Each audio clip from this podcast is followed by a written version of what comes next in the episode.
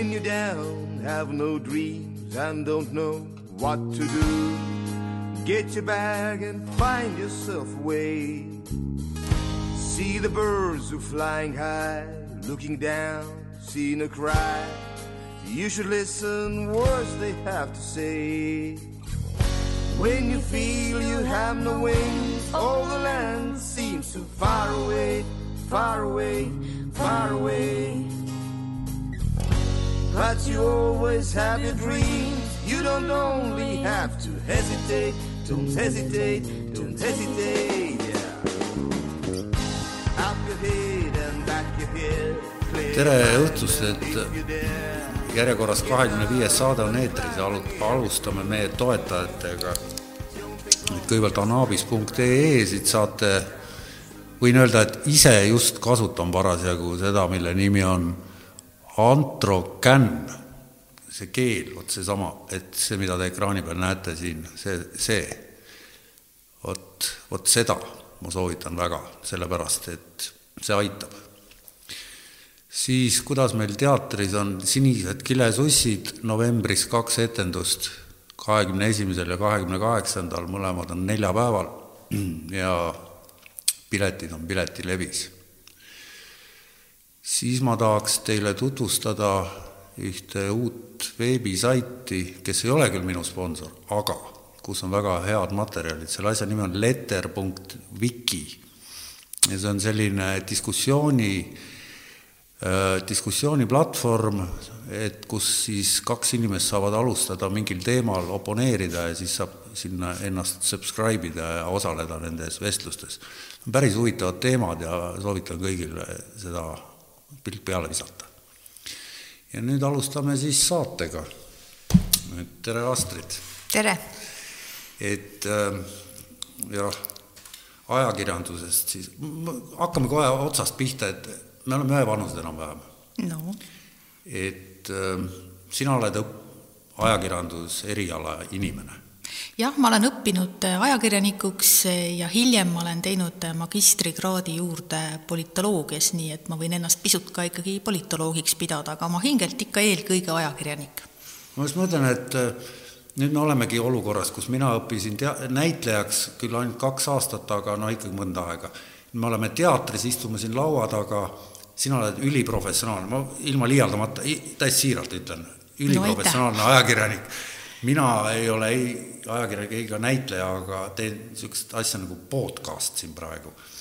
et ma tahaks hirmsasti teada, et mida sa ajakirjanikuna arvad üldse sellisest formaadist nagu... ma ei, ma ei oska midagi arvata, ma olen sellega ise vähe kokku puutunud ja ütleme niiviisi, otseselt puutun kokku üleüldse esimest korda praegu.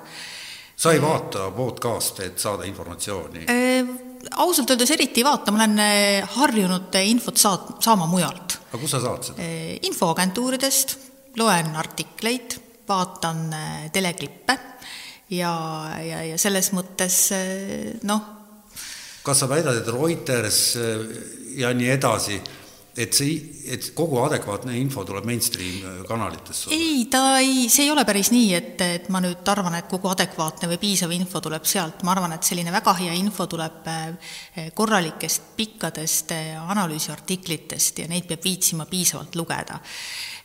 ja mul on tekkinud nende aastate jooksul mil ma olen ajakirjanik olnud, oma kogemus, mida ma võin usaldada ja mida mitte, kust ma midagi võtan, sellepärast et kui ma midagi väidan, siis ma ju mingi aja pärast näen, kas läks nii või ei läinud. ja nüüd olen ma olnud ajakirjanik üle kahekümne aasta ja kui ma käisin siin aasta või kaks tagasi, ma enam ei mäletagi täpselt, kõik käib nii kiiresti, Armeenias sealset täiesti ootamatut revolutsiooni kajastamas, siis ma tundsin, et juba lennukisse istudes, lennates riiki, kus ma ei olnud kunagi käinud ja millest ma väga palju ei teadnud, ma teadsin, kuidas ma suudan ennast viia piisavalt kurssi, kuidas ma jõuan õigete inimesteni, kuidas ma saan aru, mis toimub, see on puhtas, puhas kogemuse teema ja, ja, ja muidugi noh, ütleme, et ma lihtsalt ei, ei, ei ole igalt poolt kõike kuulanud ja, ja, ja ei jaksa ka kõike vastu võtta, et ma olen õppinud tegema oma valikuid. vot see ongi minu, hästi huvitav, et, et kust niisugused inimesed nagu sina, eri, noh, kelle töö on teada kõike kogu aeg, et noh, sa pead tegema just neid samu valikuid mul on sama asi, ma olen ka hästi uudishimulik, ma tahan ka kõike teada, aga neid valikuid on ju hirmus raske teha, et, et, et neid kanaleid on nii meeletult palju. just, just siin ongi see asi, et eh, ma ise olen mõelnud, et ajakirjanik, kes alustab noorena, et eh, kui, kui mõelda, et mida ta kõike peab oskama, siis jumal tänatud, noor inimene on nii enesekriitika vaba et ta julgeb minna ja hakata tegema asja, mida ta tegelikult ei oska. ja seda, sedasi ta peabki alustama. töötada täna sellel põllul on minul väga lihtne, sest mul on just nimelt olemas see kogemus, ega see kogemus tuleb puhtalt sellise õppimise pealt, et, et sa nagu analüüsid seda, mida sa oled teinud, kuidas sa oled kirjutanud, kuidas sa oled asju analüüsinud ja vaadanud, see on ju natukese aja pärast selge, kas sa oled seda teinud õigesti või mitte ja kui ma vaatan näiteks mingeid oma töid, mis ma olen teinud kunagi väga-väga ammu Moskvast, siis ma mõnikord ei jõua ära imestada, kui hästi ma olen kirjutanud, mulle tundub, et ma praegu küll niiviisi enam ei suuda, on ju. aga need valikud, ta on äh, osalt ikkagi intuitsiooni küsimus ja teisalt, äh, ega ma olen ikkagi ajakirjanikuks õppinud. ma olen viis aastat ülikoolis käinud ja sedasama asja õppinud. meile ongi õpetatud no, seda, kuidasmoodi valida. no aga nõukogude ajal valida Pravda mm. ja nende vahel äh, Mina... aga Jokk oli kõige progressiivsem leht enam-vähem. Vaat ausalt öeldes ma oleksin pidanud saama tõesti ülikooli sisse kaheksakümne viiendal aastal, kui ma lõpetasin keskkooli, aga kuna minu äh, akadeemiline tase oli ikkagi äh, liiga madal selleks, et läbi minna sellest ajakirjanduskateedri konkurentsist, siis ma ei saanud sisse päris mitu aastat. Ja õnneks sain ma sisse alles kaheksakümne kaheksandal aastal, äh, sel ajal, kui kateedrit juhtis Marju Lauristin, kes samal ajal ka jaa, absoluutselt, kõik, kõik see kõige olulisem, mis Eestis toimus, sellel oli oma pesa meie ajakirjanduskateedris ja ma sattusin sinna selles mõttes väga heal ajal, ma sain igasugust sorti elu eh, ja akadeemilist kooli. ja nii, et ei saa öelda, et mina olen eh, õppinud oma valikuid tegema nõukogude ajal, ma olen õppinud kõige keerulisemal, põnevamal ja toredamal ajal no sinu õpetaja ka Priit Pullerit. on, tema muuseas ütles, et minust ei saa ajakirjanikku, aga nojah. miks ta seda ütles? vot ma ei oskagi öelda, tema tuli ajakirjanduskateedrisse väga oma reaga, ta oli suur Ameerika fänn, on seda ilmselt siiamaani. talle meeldis, ta, talle ta,, talle meeldis meid õpetada kirjutama nii, nagu kirjutatakse Ameerikas. Ja, ja me suhtusime sellesse natuke nagu üleolevalt ja õlgu kehitades ja, ja, ja ta oli, ja, ta, ja ta, ja ta oli ka nagu natuke naljakas tüüp meie jaoks.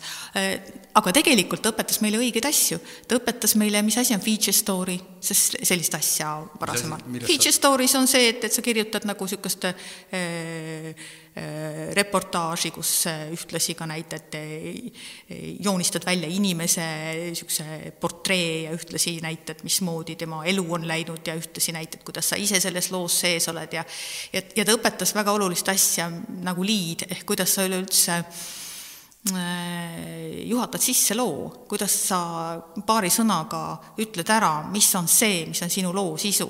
kui ma täna töötan näiteks äh, Aktuaalses Kaameras, siis mulle vahel tundub, et see on üleüldse kõige keerulisem asi inimeste jaoks, öelda kahe sõnaga ära, mis on selle loo mõte või, või peamine mõte, äh, millega ma täna eetrisse tulen ja kõiki selliseid asju tegelikult õpetas Pullerits, äh, ta tuli Ameerikast, äh, olles vaimustuses sellest, mismoodi seal kirjutatakse ja tehakse, loomulikult see lihtsalt oli professionaalne ja see, mismoodi meie olime teinud, see oli selline tõesti Nõukogude ajakirjandus, kus olid artiklid, millel oli noh, mis olid lina suurused, kus ei olnud äh, vahepealkirju, kus ei olnud selget pealkirja, mis ütleks, milles see artikkel üldse on. et kui ma läksin üheksakümne seitsmendal aastal Moskvasse, siis Eestis enam sellist Nõukogude stiilis ajakirjandust ei olnud, küll aga see oli olemas veel Venemaal. kas siis, see on siiamaani seal järjest rohkem? no selles mõttes äh, vormiliselt ei ole, et see tähendas ikkagi seda, et lähed ähm, Moskvasse ja ostad ajalehe, mis on ikka veel selline klassikaline hästi suur ajaleht, ja esimese lehe peal näiteks on artikkel, mis kõik on üks artikkel ja seal ei ole ühtegi vahepealkirja ja peaaegu et ei ole isegi taandrida kusagil et noh, see on nagu loetamatu mass, on ju. ja tegelikult me kirjutasime natuke samamoodi kunagi varem, võib vaadata vanadest Nõukogude väljaannetest, noh, see on puhas vormi küsimus. nojah, et ma just mõtlen, et kui meil on praegu selline formaat, et meil limiite pole, ajalimiiti, ja kui ma vaatan, ütleme, Rahvusringhäälingut, siis kõikvõimalikud, nii palju kui neid seal on, jutusaateid, siis on, vaatad ja mõtled, et nad peavad ju tunni aja sisse pressima ja kui seal on mingi kümme inimest, siis matemaatika ütleb, et noh, et kuus minutit aga see on väga hea, see on väga hea, sellepärast et me just enne rääkisime sellest, et informatsiooni on väga palju. ja minu meelest Rahvusringhäälingu üks ülesandeid peakski olema see, et et me kontsentreerime seda infot, me fokusseerime ja võimalikult lühidalt ja selgelt anname edasi selle põhilise informatsiooni, mitte ei jää sinna tohutult lainetama ja, ja ma ei tea, mingit vahtu üles keerutama ja ja, ja ma ei tea, aega pikendama ja lehte täitma, on ju. et, et selles mõttes see on hea, aga sellised eh, formaadid, kus võib rääkida, ma ei tea, hommikuni, nendel on oma koht ja, ja oma mõte täiesti. no ma mõtlengi, et kui jah, no kas sinu tööülesannete hulka käib uudiste valimine ka? ja, ja mina valin selle, kui mina olen tööl välistoimetuses, siis mina valin need uudised, mis on tähtsad Aktuaalsesse Kaamerasse. teen oma valiku. ja, ja selle, ja selleks on noh, mitmed kriteeriumid.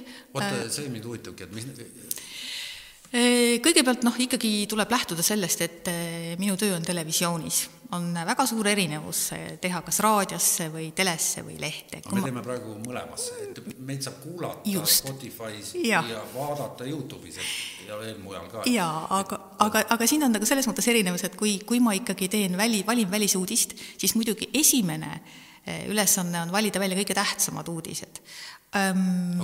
vot, mis asi aga, on tähtsam, kõige tähtsam? no ütleme, sõda ka sõda ja see, mis ikkagi on olemas niisugune mõiste nagu see, mis e, ületab uudiste künnise, eks no,. sul on, sul on ja, ja et kõigepealt need uudised peavad olema tähtsad ja kuna see on televisioon, mida mina teen, siis selle, e, selle uudise toetuseks peab meil olema kättesaadav ka mingisugune pilt. teha sellist välisuudist, kus me üldse ei näita seda, millest me räägime televisioonis seda tuleb ka ette, see on siis, kui tegemist on noh, väga olulise asjaga, näiteks noh, ma ei tea, Jaapanisse kukkus meteoriit, mitte keegi ei suutnud seda filmida, aga ma ei tea, pooled inimesed on surnud, see on täitsa selge, et me sellest, sellest siis nagu Uudiste. räägime, aga see tähendab seda, et, et uudisteankur on eetris ja tema näoga tema seda räägib. Äh, see peab olema väga tähtis uudis, et, et et me sellise uudise teeme. enamasti selle taga on ikkagi ka ähm, vajadus leida pilt, meil on selleks infoagentuurid, kellega meil on tehtud lepingud, kes saadavad pilti noh, siis nagu laiemalt, Reuters, Ebu, äh, ABTN, ja mina isiklikult äh, armastan väga valida ikkagi selle järgi ka, et aga mille kohta on saadetud huvitavat pilti et kui me räägime küll mingisugusest eh, erakordsest eh, meeleavaldusest, aga mitte ühtegi pilti ei ole või meile on tulnud pilt sellest, kuidas tänavad on tühjad ja mitte midagi seal ei toimu, siis ma selle meeleavalduse, noh, kui see ei ole nüüd väga tähtis meeleavaldus, seal ei ole, ma ei tea, ma ei tea, riigi presidenti maha löödud, et siis, siis ma jätan selle täiesti kõrvale.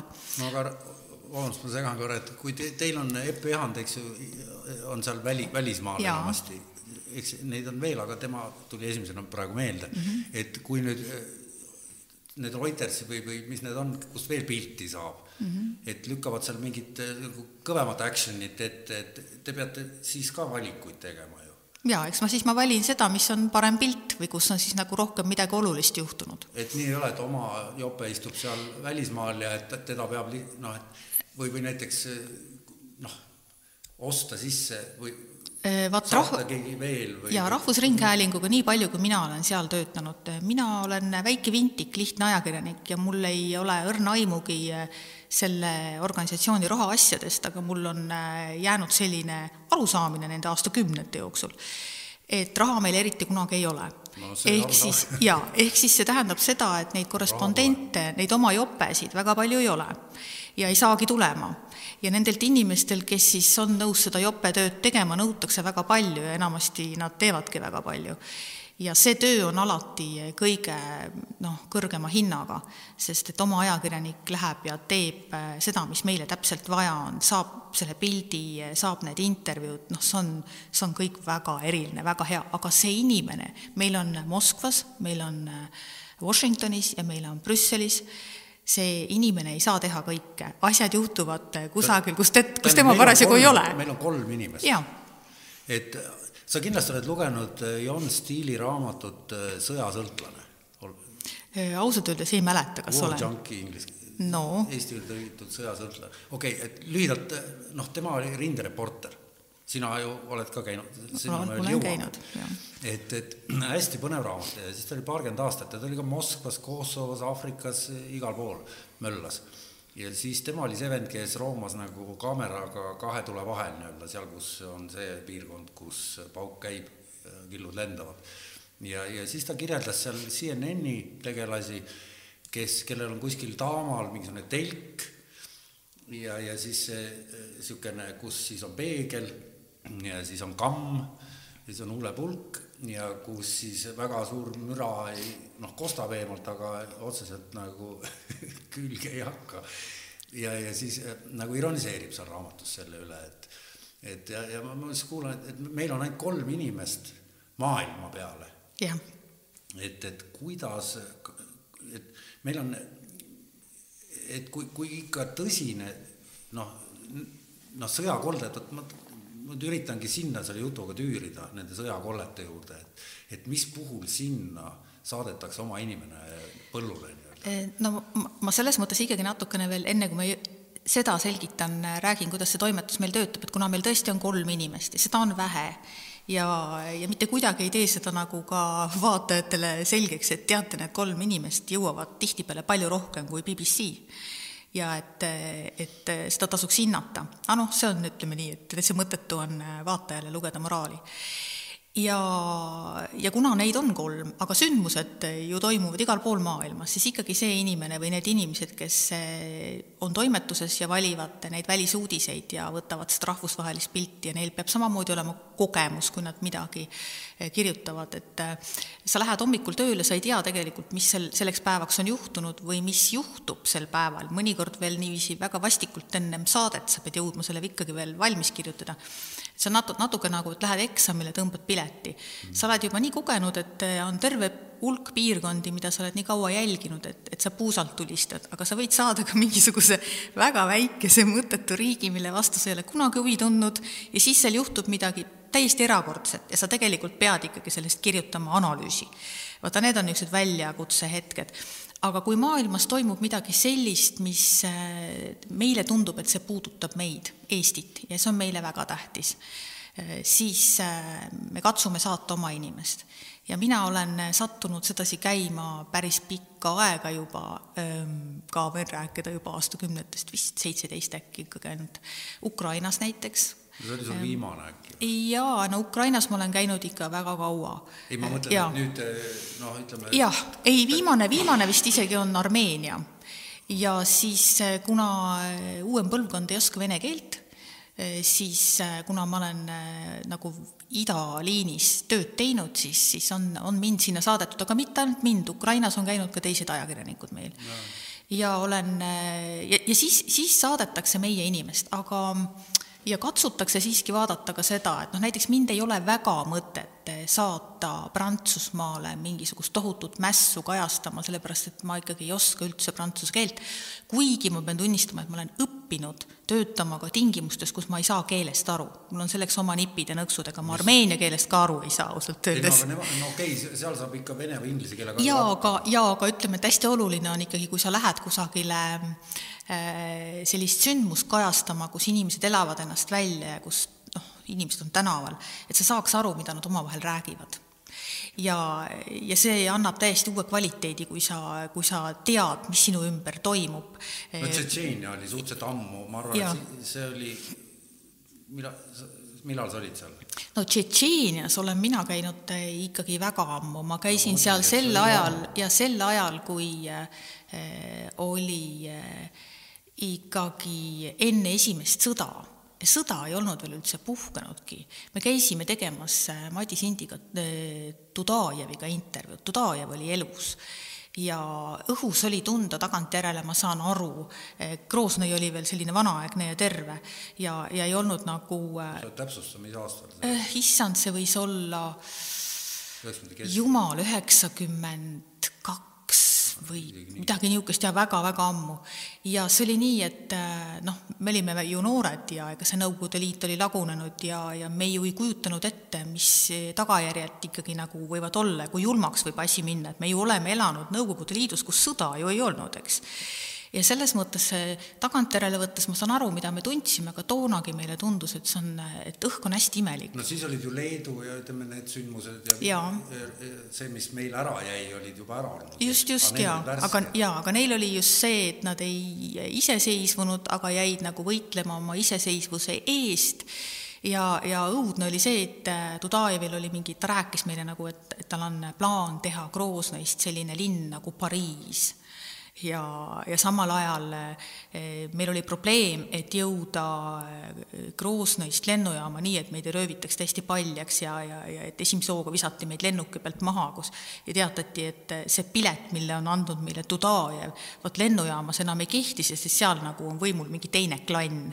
et, ehm, et et oli nagu selge ja on nagu selge, miks asjad on läinud Tšetšeenias nii, nagu on läinud, et mitte kunagi ei ole seal olnud äh, no ütleme, kordaja väga suurt sellist lootust, et see oli äh, õudne niisugune äh, sõit sinna, no masendav sõit Groznõisse ja, ja hiljem, kui seal puhkes sõda, siis kuidagi nagu oli nagu minu jaoks nagu selge, et äh, ega see teistmoodi ei saanudki minna, et neil ei olnud üh-, üksmeelt niisugust selget suurt äh, kokkuhoidmist, äh, kui juba presidendi lugupeetud, armastatud tol hetkel presidendi poolt antud lennukipilet lennujaamas ei kehti enam, sest seal on teine kõlab, võim. jah, ja lõpuks me pääsesime sealt ainult tänu sellele, et lennukit juhtisid äh, Vene lendurid, kes lõid korra majja ja võtsid meid peale.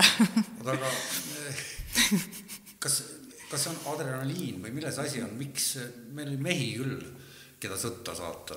aga tegelikult äh, See, ei, ta ei ise, ole ise tahtsid minna no tol ajal, kui me käisime sellistes kohtades nagu äh, sõjaeelne Gruusia ja, ja sõjaeelne Tšetšeenia ja muu taoline, et ega siis äh, me ei saanud aru, et sõda on tulemas. me olime noored inimesed, noored ajakirjanikud, eh, tohutult sinisilmsed, tohutult naiivsed, eh, ikkagi see tunne oli, et noh, kõik on ju üks Nõukogude Liit, et lagunesime, mis me lagunesime, keegi ei hakka ju kedagi tapma ometi, et noh, nii hull see asi ei ole. et seal ei saa üldse rääkida adrenaliinist, pigem oli no hiljem, aga hiljem käisid ju ikkagi Iraak, Afganistan, need kohad. aga ei, ei, ei, aga see on üks asi, mis on mind eluaeg häirinud, kui mind näiteks peetakse hulljulgeks mingiks adrenaliini otsijaks, sellepärast et ma vihkan äh, riski, vihkan ülearust riski, ma ei kihuta autoga peaaegu kunagi. seal on väga suur vahe riski ja ülearust riski. ei, no ütleme niiviisi, et mulle ei meeldi, enamus inimesi äh, on minu meelest palju hullemad äh, adrenaliini otsijad kui mina. et noh ma olen rahulik inimene tegelikult selles mõttes. mägedes, kus sa matkamas just, käid, käid jaa, rahu, otsimas. jaa, käin rahu otsimas, just, et tegelikult on, ei, ma isegi ei mediteeri, vaid eh, õnnetus võib tabada sind igal pool.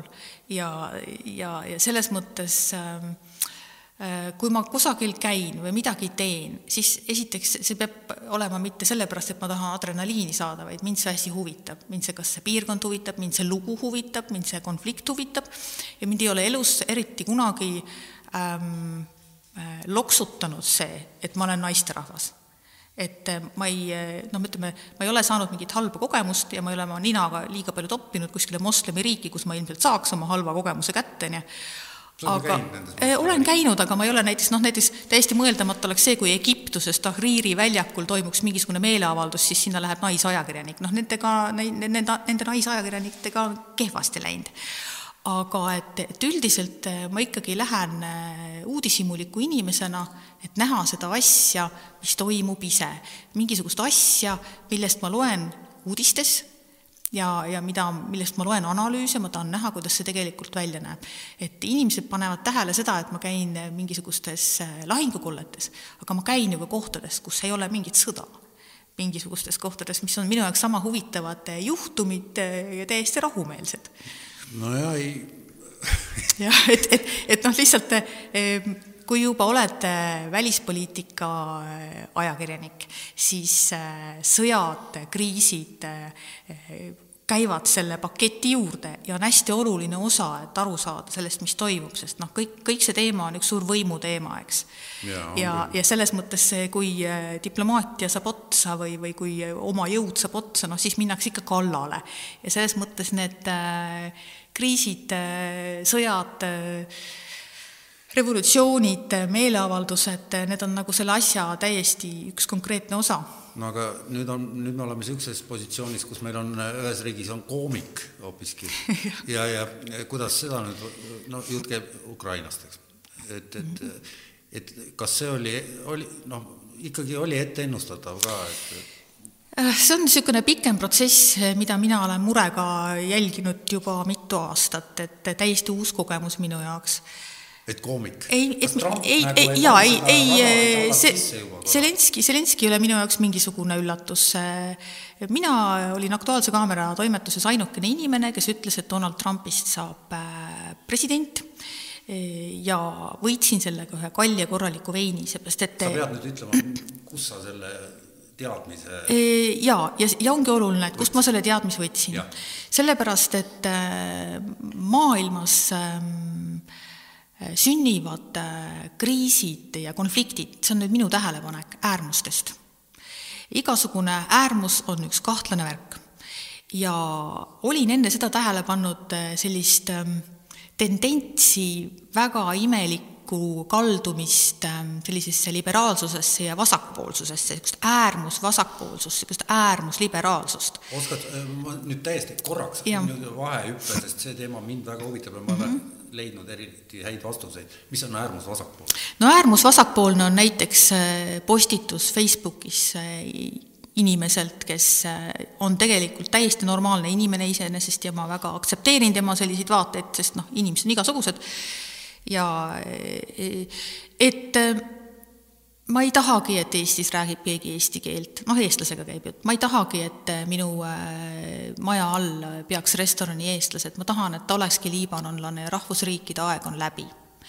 Äh, kui sellised ähm, mõtted muutuvad liiga agressiivseks või kui, kui niisugused vähemused, vähemusi iseloomustab tihtipeale see, et, et nad on ju vähemused, nad on äärmused, aga nad suudavad ähm, Äh, siis äh, rääkida oma juttu nii suure häälega, et ühiskond muutub äh, natukene nagu satub segadusse, ei saa enam hästi aru, et kui, kui palju neid on, et inimesed hakkavad tundma ennast ohustatuna.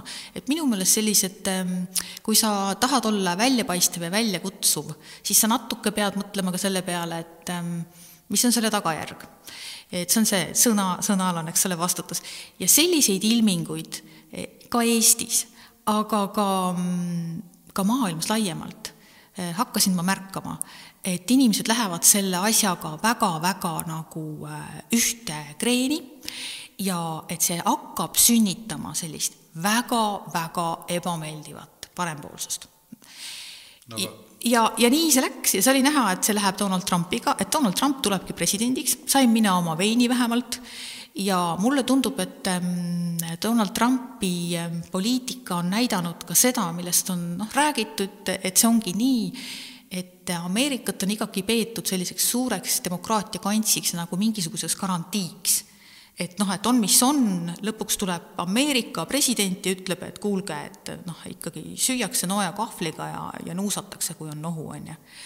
et mingisugune viisakus on, et mingisugused reeglid on, et, et noh, meil on ikkagi niisugused mingisugused demokraatlikud põhimõtted. Donald Trump on tulnud ja, ja teinud algust sellise mm, ma ei teagi, mis, kuidas seda nimetada, minu meelest mm, ta on loonud sellise välja, kus äh, inimesed on saanud julgust käituda ükskõik mismoodi. kõik on lubatud, kõik on võimalik, kõik on business, kõik on rahasse arvestatav.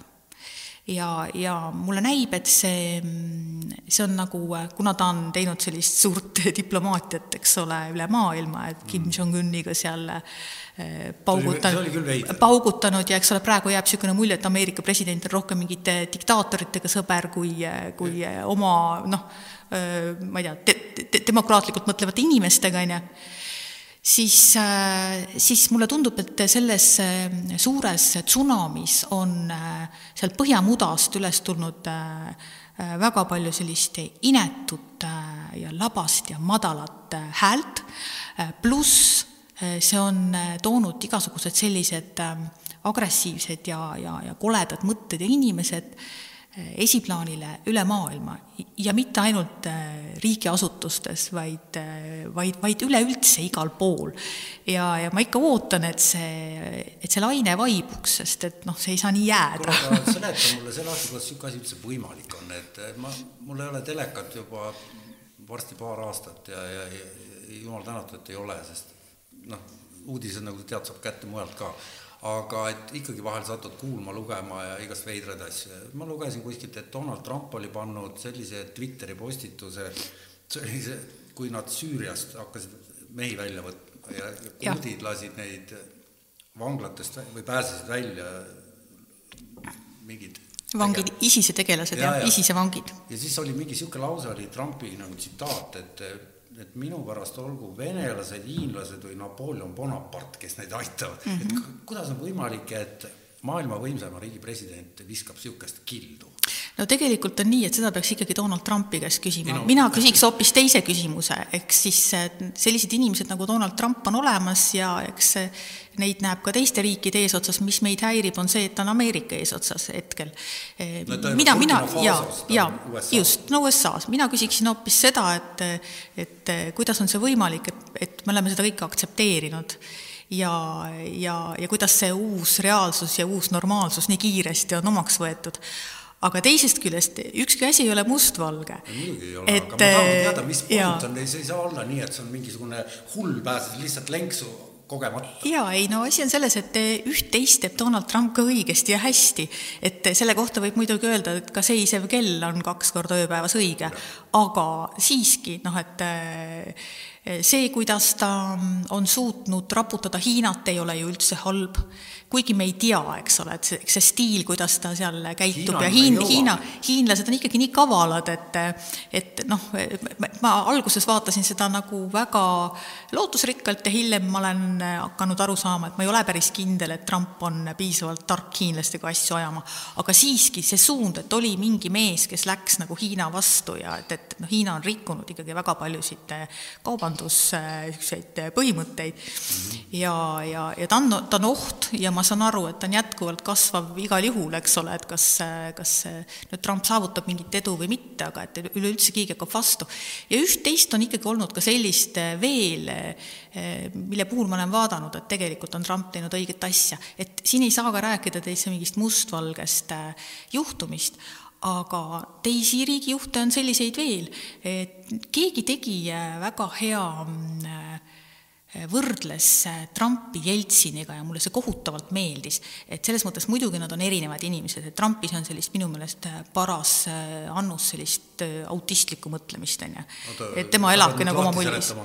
no selline, et no selles mõttes, et ta elab oma, ta elab oma sellises mullis, on ju. et ta väga, mulle, mulle näib, et ta elab oma sellises kas mullis. kas sa ka arvad, et, et talle ei öelda päris kõike, et ta hoitakse ei nagu,, ma ei, ma ei tea, vaata nagu, vaat ma ei oska öelda, sellistes asjades mina sõna ei võtaks, sest ma ei, ei ole kunagi Valges Majas käinud. mulle jääb endale pigem mulje, ja see on tõesti ainult mulje, et tema on mees, kes ei võtagi nagu infot vastu, et tal on nagu selline just niisugune oma mull, omad veendumused. ta tahabki, et just, ütleb, kutid, tehke teie. jaa, et, et, et täna mõtlen nii, homme mõtlen naa, et ta tegelikult on ikkagi äris hakkama saanud sedasi ja ärimaailmas võib-olla selline inimene saabki hästi hakkama. no aga see jutt on aga just, just, aga noh, see siin ei ole meil midagi teha, aga teine mees, selline, kes kes ei elanud nagu omas mullis, vaid oli rohkem nagu ikkagi selline noh, oli üsnagi avatud inimene, oli Jeltsin, aga mis neis ikkagi sarnast on, on see, et nad on mõlemad siis noh, vaadeldavad suurte riikide, tuumariikide presidentidena no, kes on küllaltki etteaimamatud. et mäletan seda, kuidas Moskvas töötades ikkagi ka Jeltsin korraldas ikkagi uskumatuid olukordi sellega, kui ta oli jälle lihtsalt purjus mingisugusel hetkel, kus tantsis oleks pidanud, tantsis, tantsis või lihtsalt ei ilmunud välja, ei tulnud lennukist välja või, või tegi mingeid kohatuid nalju seoses tuumakohvrikesega, mis tal oli, on ju. tuleta meelde, et tuumakohvriga ma nalju ei mäletagi, mis ta tegi seal? no ta on ikkagi seda meelde tuletanud, et mul on eh, umbes see kohvrik olemas ja võin seda nuppu vajutada ja, ja, ja et, et ühesõnaga teinud selliseid nalju, et noh, millest võib-olla kõik ei ole alati aru saanud. et, ähm, et midagi sarnast neis on ja noh, ütleme selliseid noh, suuri kujusid, et äh, Zimbabwe president oli kunagi selline, ta on ta surnud, Kim Jong-un, Erdogan, praegu Türgi president, et noh, sellised suured isad, sellised noh, nagu et tead, ma vaatasin üleeile, vaatasin Snowdeniga oli ligi kolmetunnine intervjuu, mis sisuliselt oli monoloog, kus ta siis rääkis, mis ja kuidas ja miks ja Venemaal, noh, kus ta on, eks. ja, ja siis ma üritasin lahti muukida, et, et, et mis vend ta on, et, et ta nagu räägib, et ta on ameeriklane, et ta venelaste kohta on kriitiliselt kirjutanud, ta on isegi noomida saanud Putini käest, et tal on üldse, seal tegelikult ei olegi väga hea, aga Ameerikasse ka ei saa ja samal ajal ma tajusin, mingi ala, alatoon oli selline pro-Trump. ehk siis see läheb kokku ju ka Venemaa poliitikaga mingis mõttes. et mis vend ta siis sinu arvates, mis sa arvad, kes ta on niisugune, mis teeb seal? Mina ei arva sellest mehest midagi, sellepärast et ähm, ta on sattunud sellisesse positsiooni, et minu kui välistoimetaja jaoks on ta noh, ütleme sisutu. Eh, sest ta ei oma enam mingisugust eh, minu jaoks usaldusväärset informatsiooni, ma ei saa olla milleski kindel, mida ta räägib. Eh, sa arvad, et ta selle kohta, mis ta, ta tegi? ta on niivõrd keerulises mängus, et, et me tegelikult ei tea, mida ta üldse saab rääkida või mida ta üldse tahab rääkida. minu meelest sellised nurka surutud inimesed ei ole kunagi tõsiseltvõetavad infoallikad, isegi kui neil on õigus, siis ma ei saa selles olla kindel. vaata, kui me räägime nüüd sellest, et kust ma võtan nagu oma infot, siis mul on ikkagi need mingisugused allikad, mille puhul ma olen olnud äh, elus kindel, et nad mind alt ei vea. ja, ja ütleme, sellist äh, siit-sealt kuskilt kuulatud juttu või äh, keegi, kes on kuskil, ma ei tea, olnud kellegiga seotud, see, selliseid asju ma kindlasti ei võta oma töös aluseks, ma võin neid kuulata, aga ma ei võta neid nagu aluseks. aga sellega haakub ka üks teine asi, vaata mina olen niisugune luurehuviline olnud, mäletan Nõukogude ajal ilmus Chancelleri käsi Robert Ludlumi raamat. Siis ma huviga lugesin ja pärast seda noh, nüüd hiljem on neid tulnud riitade viisi juurde. Ja ütleme, et see žanr mind nagu huvitab. ja siis nüüd Le Carre, noh, üks ütleme siis peaaegu et ongi vist nendes edetabelite ju, juhi positsioonil nendes spioonimängude raamatute sarjades nii-öelda. et ta on nüüd kaheksa, saab üheksakümmend vist varsti juba ja ja jälle ilmus tal raamat, ta on kahekümne viies romaan, kuuskümmend aastat vend on kirjutanud luureteemalisi asju. ja siis oli see Primakov, Vene, Jevgeni Primakov äkki, kes Vene välisminister. kes oli KGB juht ka. no kes ei ole Venemaal olnud KGB-ga seotud? ei, aga miks ma seda räägin, oli see, et, et see käis Londoni, Inglismaal ja nõudis kokkusaamist, kui ta oli, noh, ta oli ennem, ta oli kaheksateistaastasest saadik NKVD, siis KGB ja mingil põhjusel ta arvas, Le Carre, kes oli vist üliõpilasena Oxfordis MI kuue jaoks luuranud seal vasakpoolsete järel natukene, et, et, et ta on ka nii kõva asjatundja, et kutsus Londonis nõudis kokkusaamist Le Carre'ga, ma lugesin Guardianis seda, see oli intervjuu just hiljuti. ja, ja Le Carre ütles, kurat, ega ma ei tea midagi sellest maailmast, et ma, ma mõtlen neid asju välja. ja nüüd, kui Venemaa eluaegne KGB mingisugune tipptegija loeb sellest ilukirjandusest välja, et see vend on temaga võrdne vastane, siis, siis minu küsimus sulle, mis sa arvad mis tegelikult siis toimub? No kõik, mis puudutab luuret, see on nüüd jälle selline maastik, kus ma ei võtaks üldse sõna, sellepärast et äh, seal peab sees olema. selle, nende ini-, nende inimestega peab olema lähedane sõber ja, ja töökaaslane, et saada aru, mis toimub luures. mida mina saan luure kohta öelda, on see, kui ma näen, et äh, Suurbritannias on jälle mõni Vene endine agent äh, joonud lõhnaõli ja, ja, ja, ja, ja, ja surnud selle peale maha. et ähm, ma saan nagu välistoimetajana näha neid tagajärgi ja aimata, eks ole, et mis, mis toimub ja ja, ja kuidasmoodi see käib, aga, aga et ma võib-olla siis oleks vaja selline asi paika panna, et sina kui Rahvusringhäälingu uudisteankur ja, ja ütleme uudiste valijaga, jah, just. toimetaja mm, -hmm. et on sul ütleme siis töölepingus mingid piirid, mingid noh, ma ei tea, vaikimisparagrahvid, mingid asjad. ei ole, ei ole. et, et kui ma hakkan siin vahutama luurest, et, et ei, ei, ei, ei, absoluutselt, ma ju ei tööta luures ei no sa töötad Rahvusringhäälingus. ma töötan Rahvusringhäälingus ja Rahvusringhääling ei luura. aga kui sa võtad seisukoha ei, ma, ma ei oska seisukohta võtta. ei üldse millestki, tähendab, mind huvitab nüüd laiemalt see asi, et, et kas sul üldse, sa Ei, võid kõigest rääkida praegu siin saates. ma võin rääkida kõigest siin saates. Nii nagu Astrid Kannel, mitte absoluutselt jaa. ma lihtsalt võib-olla kõigest ei taha rääkida sellepärast, et ma ei taha kõigest rääkida, aga aga just täpselt, aga ei, mul selliseid piiranguid ei ole, ma tahan lihtsalt öelda seda, et, et olles Rahvusringhäälingu välisuudiste toimetaja, siis igasugune selline informatsioon, mis ei ole täiesti eh, kindel minu jaoks, nii kindel, kui saab asi olla, saab olla ainult mingisugune taust eh, minu enda teadmistes, aga, aga ma ei, ja luure on nüüd üks selline valdkond, millega mina kokku ei puutu aga see on ju ilgelt huvitav. see on huvitav, aga ma ei, see ei ole seotud minu tööga. ja, ja selles mõttes mulle ka luuremaailm ei meeldi, ma olen mõnikord mõelnud, et ähm, et võib-olla ma olen näinud pealt mingeid asju või kuulnud mingeid asju, millest ma olen aru saanud, et ahaa, see kuulub nüüd sellesse valdkonda ja kõik ja puha. ma olen tahtnud sellest hoida elus äh, alati väga kaugele, noh, mul, no ühesõnaga, ma olengi olnud kaugel, ajakirjanik ei tegelegi sellega aga minu meelest on see selles mõttes üks äh, õudne maailm, et kui sa oled sinna sisse astunud, siis sa sealt enam välja ei saa. selles olen ma üsna kindel. Et äh, kui sa juba tead mingeid asju, mis äh, nõuavad vaikimist ja, ja selles võib-olla ei olda päris kindel, et sa vaikid, et noh, sul ei ole nagu sellist äh, rahu elus. sa ei saa olla kindel, et ühel päeval sa oled vaba. võib-olla see ei ole üldse nii, ma ütlen, ma ei tea luuramisest midagi, võib-olla see on noh, õpitud mul filmidest, see hirm aga kui ma vaatan seda, kuidasmoodi jälitatakse Vene agente Suurbritannias ja kuidas nad leitakse üles põhimõtteliselt igal pool, ma kahtlustan, siis äh, noh, see ei ole ju elu, milleks mulle, see, see ei tundu mulle isegi ei no huvitav. ega, ega nüüd kõik elu ei ole ju Bond, eks. ei no ma arvan, et selles, ühesõnaga jaa, aga milleks niisuguse jamaga tegeleda, on tuhat äh, muud äh, palju huvitavamat äh, sfääri, kus elada huvitavat elu kui luure. ei no aga ikkagi luure on ju, ütleme, ingliskeelne sõna on intelligence no jaa, et äh, hakkame, võib-olla see läheb nüüd niisugusesse keele väänamisse ära, aga aga minu arust väga sümptomaatiline, et luure on inglise keeles intelligence. et, et see seltskond peab olema suhteliselt intelligentne, kes seal tegutseb. ja nüüd see, see, mis ma Primakovist ja Le Carre'st rääkisin, et see on nagu näide, ma ei usu, et Le Carre Gardenile valetas. see on, on vist ebatõenäoline. noh, vaata, ega ma ei tea. Või et Primakovil oli mingisugune plaan, et ta, et ta mängib lolli.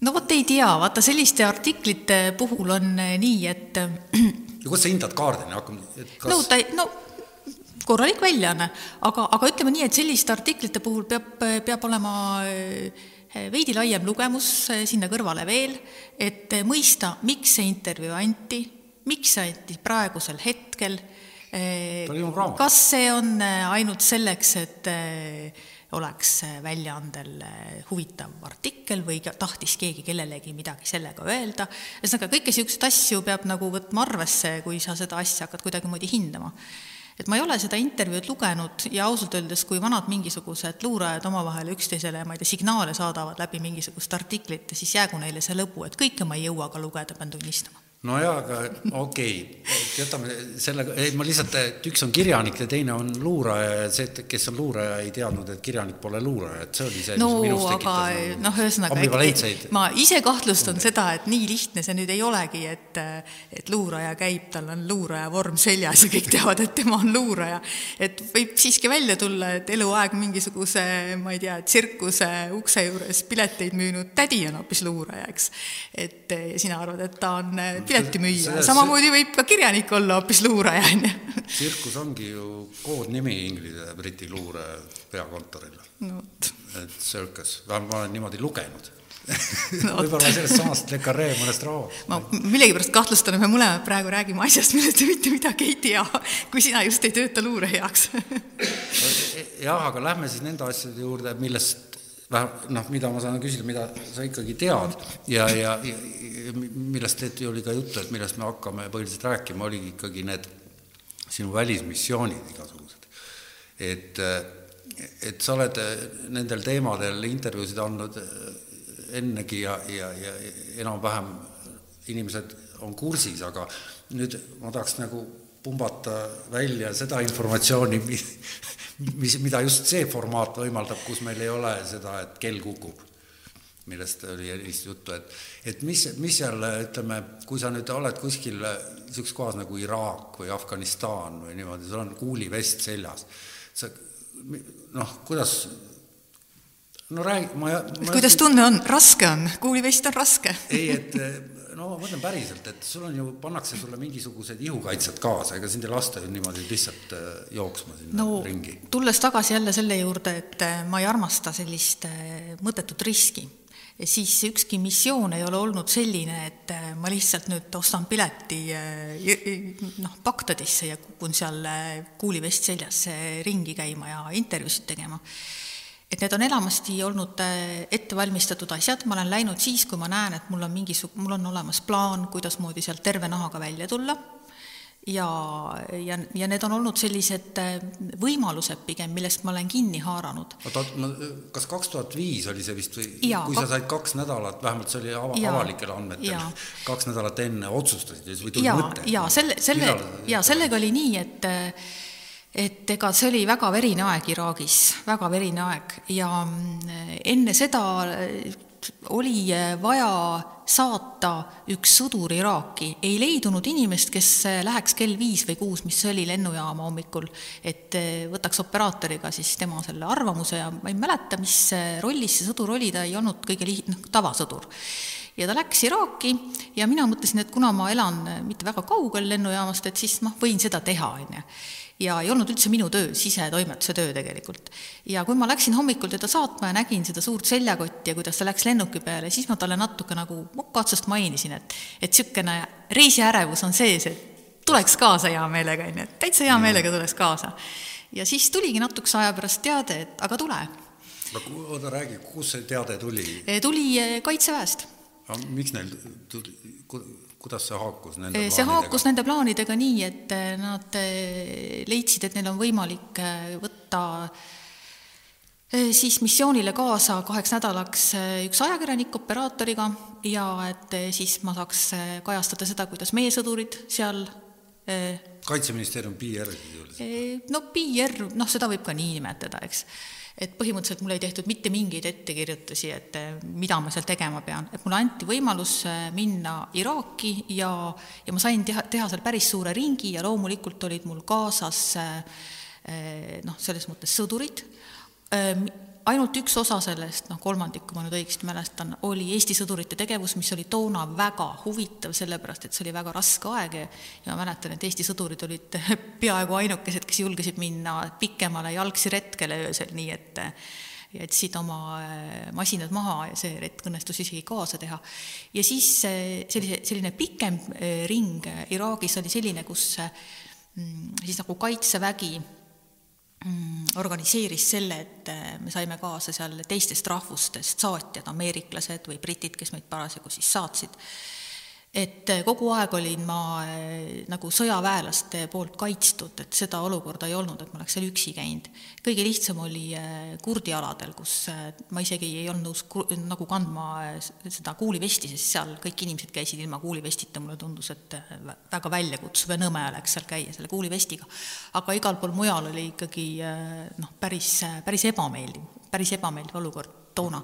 aga see oligi nii, see, see reis, kui ma sain teada, et ongi võimalik minna, siis esimene operaator, kellele ma tegin ettepaneku, et ta tuleks, ütles näiteks ära.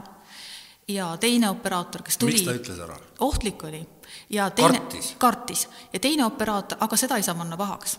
ja teine operaator oli selline, et me ikkagi istusime minu kabinetis tükk aega ja mõtlesime, et kuidas me seda nagu oma lähedastele nüüd teatame, et me läheme aga see oligi nii, et kõik see oli ikkagi nagu väga korralikult läbi töötatud ja mõeldud, seal ei olnud midagi sellist, et et, et ma oleks nagu asjata riskinud või, või ma ei tea, noh, et tegelikult nendes, mis, nendel missioonidel ongi nii, et et mis on ajakirjaniku roll ja selle peale ma olen palju ka mõelnud, et tol ajal Iraagis ei olnud kõige hullem isegi mitte see, et et sa saad surma niisama, on ju, et ma ei tea, keegi laseb su maha, vaid oli aeg, kus ajakirjanikke pantvangistati ja neist tehti siis videosid, kuidas neil päid maha saeti. Ja ma mõtlesin, et see oleks nagu kõige hullem, mis saab juhtuda, ma kartsin kõige rohkem seda.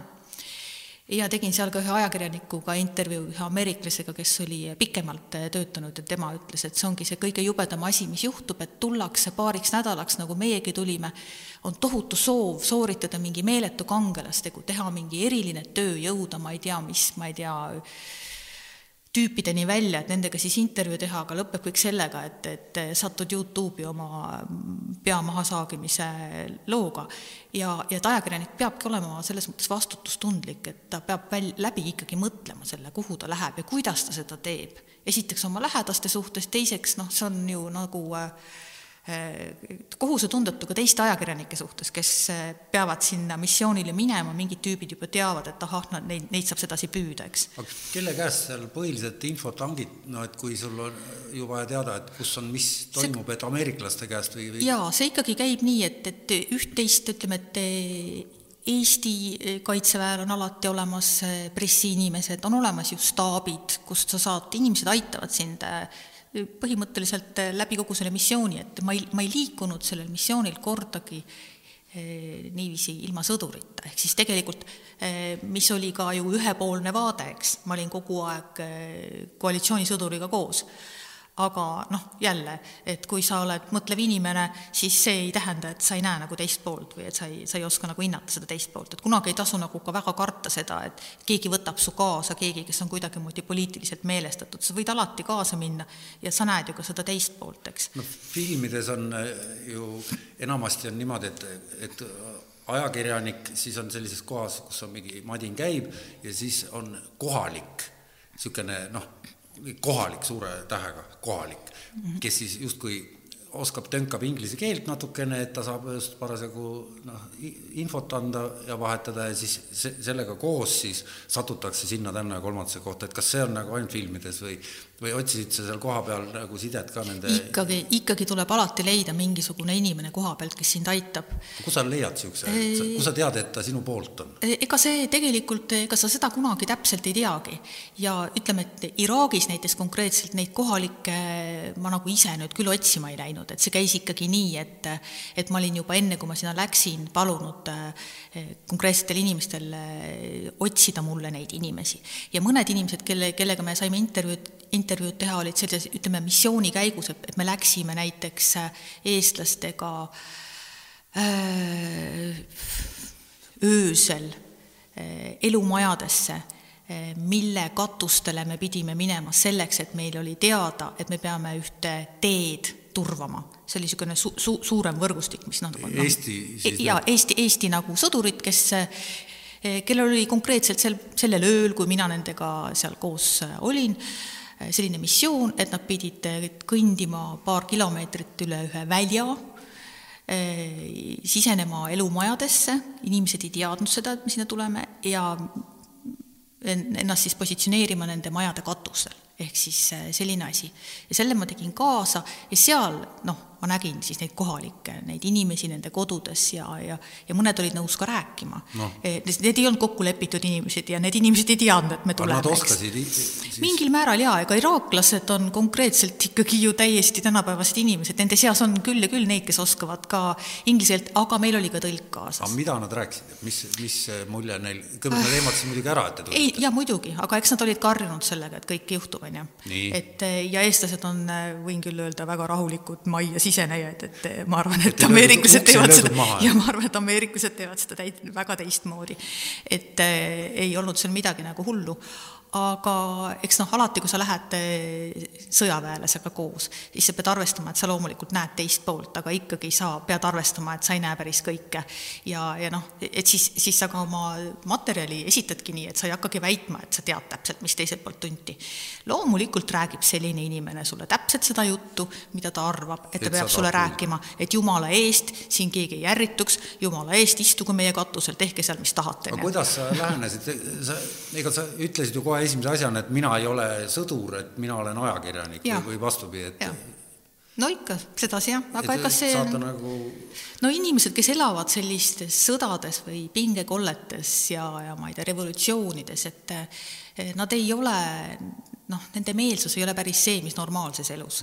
Nad on, ehm, nad on justkui valmis. Nad on valmis selleks, et midagi toimub, midagi juhtub, tuleb ennast natukene kaitsta või tuleb nagu ka kellegagi rääkida, eks, kes võib-olla noh, on kas sõdur või ajakirjanik või nii. et noh, mingis mõttes sellises imelikus stressis on nad alati, et et hiljem, kui see sõda on läbi või see revolutsioon, mingi asi on läbi selles riigis ja sa lähed sinna tagasi tavalise turistina, siis sa ei tunne seda kohta ära.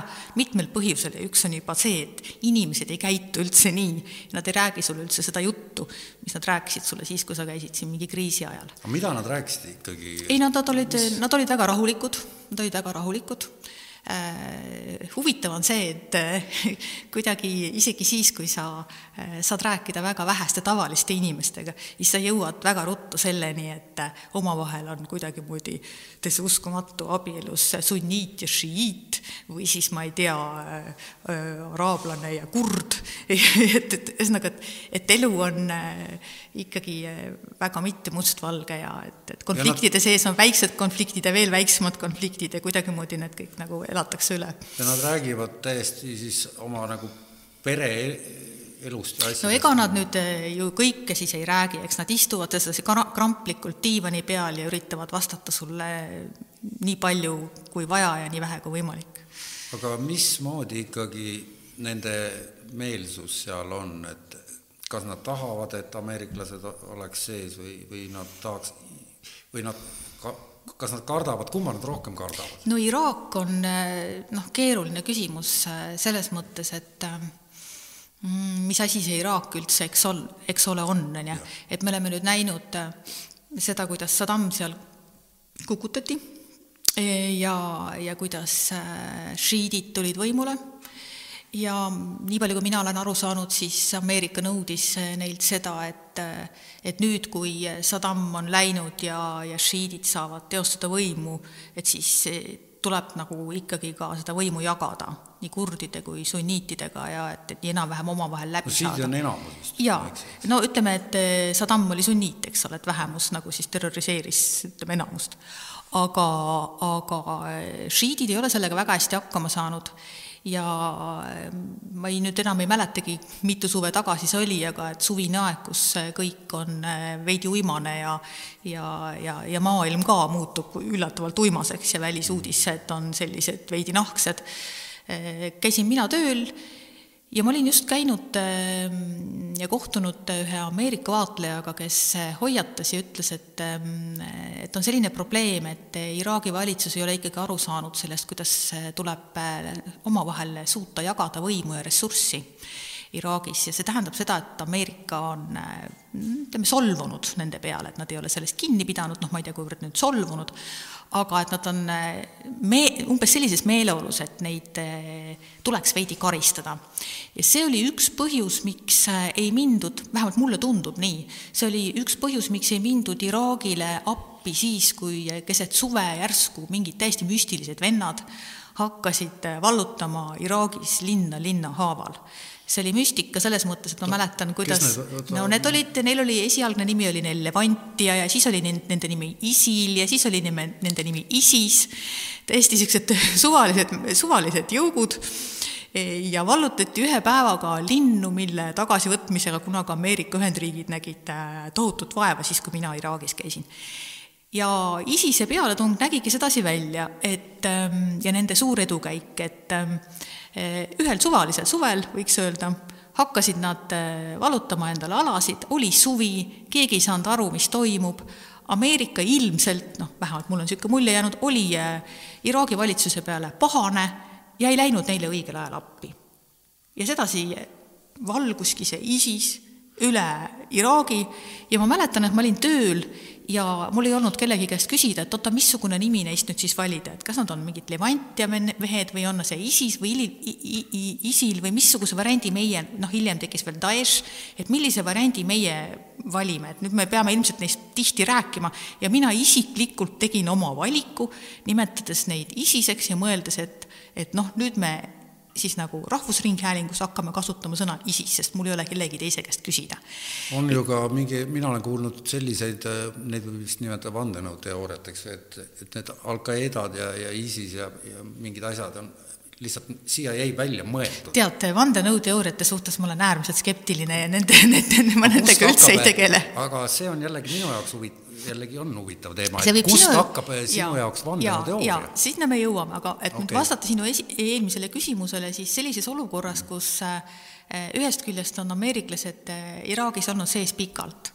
Ja ma ei usu, et nad on seal alati nagu inimsuhtlemises õnnestunud, siis teisalt äh, olukorras, kus ISIS tuli peale, nad ei tulnud nagu piisavalt appi.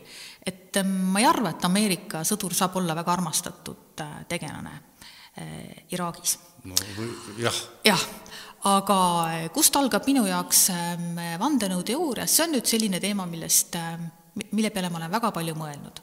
see on üks niisugune oma, omapärane nähtus, mis on viinud mind tülli kahjuks nii mõnegi oma vana sõbraga välispoliitika on asi, mille vastu tunnevad paljud inimesed sedasi oma, omal käel huvi. ja eriti just meesterahvad. Olen kohanud oma elus inimesi, kes on lugenud tuhat korda rohkem kui mina. Nad on lugenud igasuguseid asju kokku, nad teavad igasuguseid fakte. ja siis sa vaatad, et kogu selle lugemuse peale on inimene pannud täiesti fantastilise pildi kokku. ja kukkunud nagu peadpidi kaevu sellesse omaenda loodud pilti ja jäänudki sinna jalad püsti ise intelligentne inimene kõrgharidusega, võib-olla ma ei tea, meditsiini doktor. probleem on selles, et mulle tundub, et kui, äh, kui äh, ise seda kõike kokku lugeda ja sul ei ole nagu piisavalt äh, noh, niisuguseid kriitikuid kõrval ja sul ei ole nagu piisavalt välja, kellega arutada, just nimelt vastaseid peab olema, kellega arutada siis äh, see on äh, väga kiiresti jõuavad inimesed mingisuguste ülimüstiliste järeldusteni ja vandenõuteooriatesse. ja aga defineeri mulle oma väga lihtne, ma võin sulle väga lihtsalt öelda, jaa, e, ma võin öelda seda nüüd juba täiesti oma elukogemuse pinnalt, et on väga palju asju, mis juhtuvad ja millest me ei saa kunagi teada, see on fakt. aga sellega kipub olema nii, et ega me siis ei saagi teada ja, ja teine asi on see, et ikkagi, kui sa oled, kui sa jälgid uudiseid ja sul ei ole nagu huvi ja minul näiteks ei ole huvi eh, saada kinnitust mingisugustele oma väidetele või oma analüüsidele, et pigem ma nagu vaatan, kas see läks õigesti või ei läinud õigesti, on ju. et kui sa ei taha otsida pidevalt kinnitust ja arvata, et tõde kuulub sulle siis, äh, siis lihtsalt sa ju näed, kuidas asjad lähevad. sul tekib mingisugune statistika, sa, sa saad aru, kuidas need mustrid toimivad, sest tegelikult inimese loomus on ikka üliprimitiivne. Inimene käitub üsna ühtemoodi kogu aeg. Ja, ja me ei ole nii kavalad ja me ei ole nii targad ja isegi need riigijuhid ei ole nii kavalad ja targad, ei juhtu seal kõiki neid müstilisi asju, vaid tuleb tööle tavaline jorss, on ju, kes on äh, Donald president Trump. Donald Trump, eks ole, ja, ja see ei ole nii, et tal on mingid tohutud kombinatsioonid ja asjad, ma arvan, isegi Vladimir Putinil ei ole neid tohutuid kombinatsioone, millest no, räägitakse. tal on null kaks ja Piteris ühetuhandene korter no,. No, see on ametlikel no, andmetel. no mida jaa, mida jaa, eks ole, et aga, aga tegelikult on nii, et ähm, et see on ju näha, äh, kuidas need asjad lähevad või ei lähe mingisuguse pikema aja jooksul ja loomulikult on asju, mida me ei tea ja ei saagi teada ja loomulikult on asju, mis tulevad hiljem välja ja mingisuguseid meie kahtlusi kas siis lükkavad ümber või siis toetavad. aga mida ma näen nende inimeste puhul, kes on vandenõuteooriatesse langenud, on ikkagi, see on eh, seltskond inimesi, kes on eh, jõudnud mingisuguste järeldusteni ja kõikides järgmistes eh, ütleme, infovalikutes, mida nad teevad, nad valivad ainult neid kanaleid või, või, või sedasorti analüüse, mis kinnitavad nende sa räägid nagu kõlakambri definitsiooni praegu panid no kokku? põhimõtteliselt jah, ja, ja, ja nii, ja selliseid inimesi, selliseid inimesi ma näen, et siin tuleks nagu lasta ennast vabaks ja saada aru, et tegelikult sellel ei noh, sellel ei ole tähtsust, kuidas sina arvad, kuidas asjad on, katsu vaadata, kuidas nad on, eks Jaa, ole. me jõuamegi sellega, mille umbes saate algusesse tagasi ringiga, et sa ütlesid, et sina võtad Reuters. ei no Reuters on ainult üks näide, see on no ütleme niisugune ja, ja aga ma ei võta ka sealt niiviisi äh, silmad punnis peas, et noh, kindlasti see kõik on tõsi, sest ka neid uudiseid kirjutab esiteks juba inimene, kes võib olla tulnud tööle halvas tujus. oled sa kindel, et inimene? no ma arvan küll, et inimene ja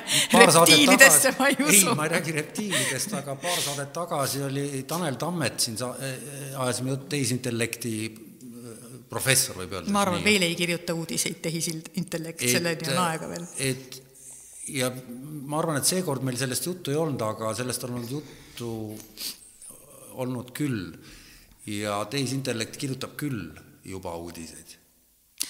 noh, las ta siis kirjutab. kuni ta kirjutab noh, usutavalt seni las ta kirjutab, aga ma usun, et see siiski ei ole eriti valdav. sellel lihtsal põhjusel, et kõik need uudised, mida, millega mina töötan, nendes on näha see inimliku eksimise märk, on seal sees alati, et, et ma natuke kirjavead, trükivead ja, ja või ka, või ka see, et sa näed, et Reutersi ajakirjanik on eksinud või eksinud mingi asjaga, millega me kõik kipume eksima või see inim, inimlik touch on seal tavaliselt ikka veel tun-, tuntav täiesti. kui me juba läksime sinna sektorisse, et siis niisugune küsimus, et kas sa oled näinud neid klippe, mida nüüd on juba võimalik täitsa lihtsate vahenditega teha, videosid, mis on fake, nii-öelda see deepfake oi jaa, oi õudne no, mis see, no selle, et, et noh, et kuulajatele-vaatajatele ka mm, -hmm. et mhm. deepfake on vist selle asja nimi, jah mm -hmm.. süva siis võltsuudised, jah ja. ja.. et kus me näeme siis video peal näiteks sedasama Trumpi rääkimas mm -hmm. no ükskõik, mida kellelgi pähe tuleb. absoluutselt, jah. et kuidas nüüd selles maailmas nagu toime peaks tulema inimesed, kui see hakkabki nii minema? vaata ma ise arvan, et sellega läheb nii, nagu äh, on läinud äh, paljude muude asjadega, mis tunduvad meile esialgu äh, hirmutavate ning ehmatavatena ja meile tundub, et noh, me ei hooma seda, me ei saa sellest jagu ega aru, nagu näiteks see tohutu infotulv, mis praegu juba on tulnud, eks. et eks siin ikkagi aitab nagu iga sellise olukorra puhul terve mõistus ja Aa, ellu, ellu jäävadki, ja ellu jäävadki need, kellel on terve mõistus. ja teised, kes usuvad igasugust jama, need jäävadki nagu sa pead silmas talupoja mõistust? jah, talupoja mõistus, et need jäävadki, need teised jäävadki keerutama kuskile sinna kraanikausi ümber nagu galaktika, et ega midagi teha ei ole, et, et, et noh, elu on äh, julm ja, ja ta, ta kogu aeg paneb inimest mingite uute väljakutsete ette ja ma arvan, et see infomaailmas elamine ja, ja uudistemaailmas elamine ja tõe, tõe lõhna äratundmine, eks ole, no vot see on nagu väljakutse küll praegu. no oli sellesama, millest ma rääkisin eelnevalt, oli juttu ühest filosoofist meil Tanel Tametiga, kelle nimi on Nick Bustrom, kes on rootslane Oxfordis, on, ta on umbes meievanune kutt ja, ja tema, tema väidab, et me elame Matrixis. Äh, mina ütleks nii, et ähm, et suure tõenäosusega, mitte jaa, aga, jaa, aga tegelikult, aga miks me mis see meie asi on, elame siis elame. Äh, mina seda... olen näiteks mõelnud seda, et äh, täitsa võimalik, et igasuguseid asju on olemas, aga järelikult on olemas olnud kogu aeg, see ongi see meie maailm. Ja me ei peaks äh, nagu äh, kurnama oma aju mingisuguse hirmuga, et, et äkki see ongi nii. äkki me oleme maatriksis, äkki me oleme kuskil mujal. ei, seal ei olegi hirmuga tegu, tegu on lihtsalt sellega, et, et ta ütleb, et, et see on suur tõenäosus, et, et me seal oleme, kuna me noh, et kui inimene juba on võimeline niisuguse arvuti ehitama, mis simulatsiooni on võimeline looma, siis ta seda ka teeb no,. Aga... nagu juhtus ka tuumapommide ja kõige muuga, kui ta just ei lepi kokku, et me seda mm -hmm. ei tee, mis on vähetõenäoline ja nüüd on lihtsalt küsimus selles, et, et kas selle teadmisega on midagi pihta hakata ma oma hinges olen igasuguste uuenduste pooldaja ja juba lapsena ja siiamaani armastan väga ulmekirjandust. mulle töölt meeldib mõelda, kuidas kõik võiks tegelikult olla ja kuhu ta võiks minna. ja mina kindlasti olen igasuguste selliste arengute poolt sest muidu me istuksime ikka veel kivikirvega ja võib-olla isegi sellises olukorras, et lõket ei ole. et ähm, kõik uuendused on alguses meie käes ohtlikud. juba sel hetkel, kui inimene ronis hobuse selga ja kukkus kihutama, siis ta ju tegelikult hakkas tegelema kohutavalt ohtliku asjaga e, noh, praegu sõidame autoga, ilmselgelt me ei peaks ka oma sellise väeti kehaga autoroolis istuma, see kõik on väga ohtlik, noh lennukitest ma ei hakka rääkima, on ju et äh, alguses on kõik ohtlik ja eks meile ongi see elu pidevalt jube ohtlik asi. aga siis me õpime seda kuidagi kasutama, eks ole, tuumapommidega läks väga keeruliselt, aga noh, nüüd on meil tuumaelektrijaamad ja võib-olla lõpuks jõuame tuumaelektrijaamadeni, mille võib ka tuld purskava vulkaani otsa ehitada, on ju et äh, ikkagi see edasiminemine ja, ja uute asjade avastamine ja ma ei tea, kuhu me välja jõuame, aga ma arvan, et see on nii põnev ja see on nii hea, et, äh, et noh, maatriks siis maatriks, why not nojah, et, et vahet ju ei ole. vahet ju ei ole ja võib-olla see on mingi võimalus. ja kui me, kui me ei ava uksi, siis me ei saa teada, mis seal taga on. nojah, et küsimus on lihtsalt selles, et inimesed tahaks ju teada, et noh, kuidas öelda siis, et, et see jäme ots, et noh, et et see ei toimuks niimoodi, et, et teised kõik teavad, aga mina ei tea. Et see Aa, siis on, siis on see olukord, kus teised ka on samas olukorras tõenäoliselt. No.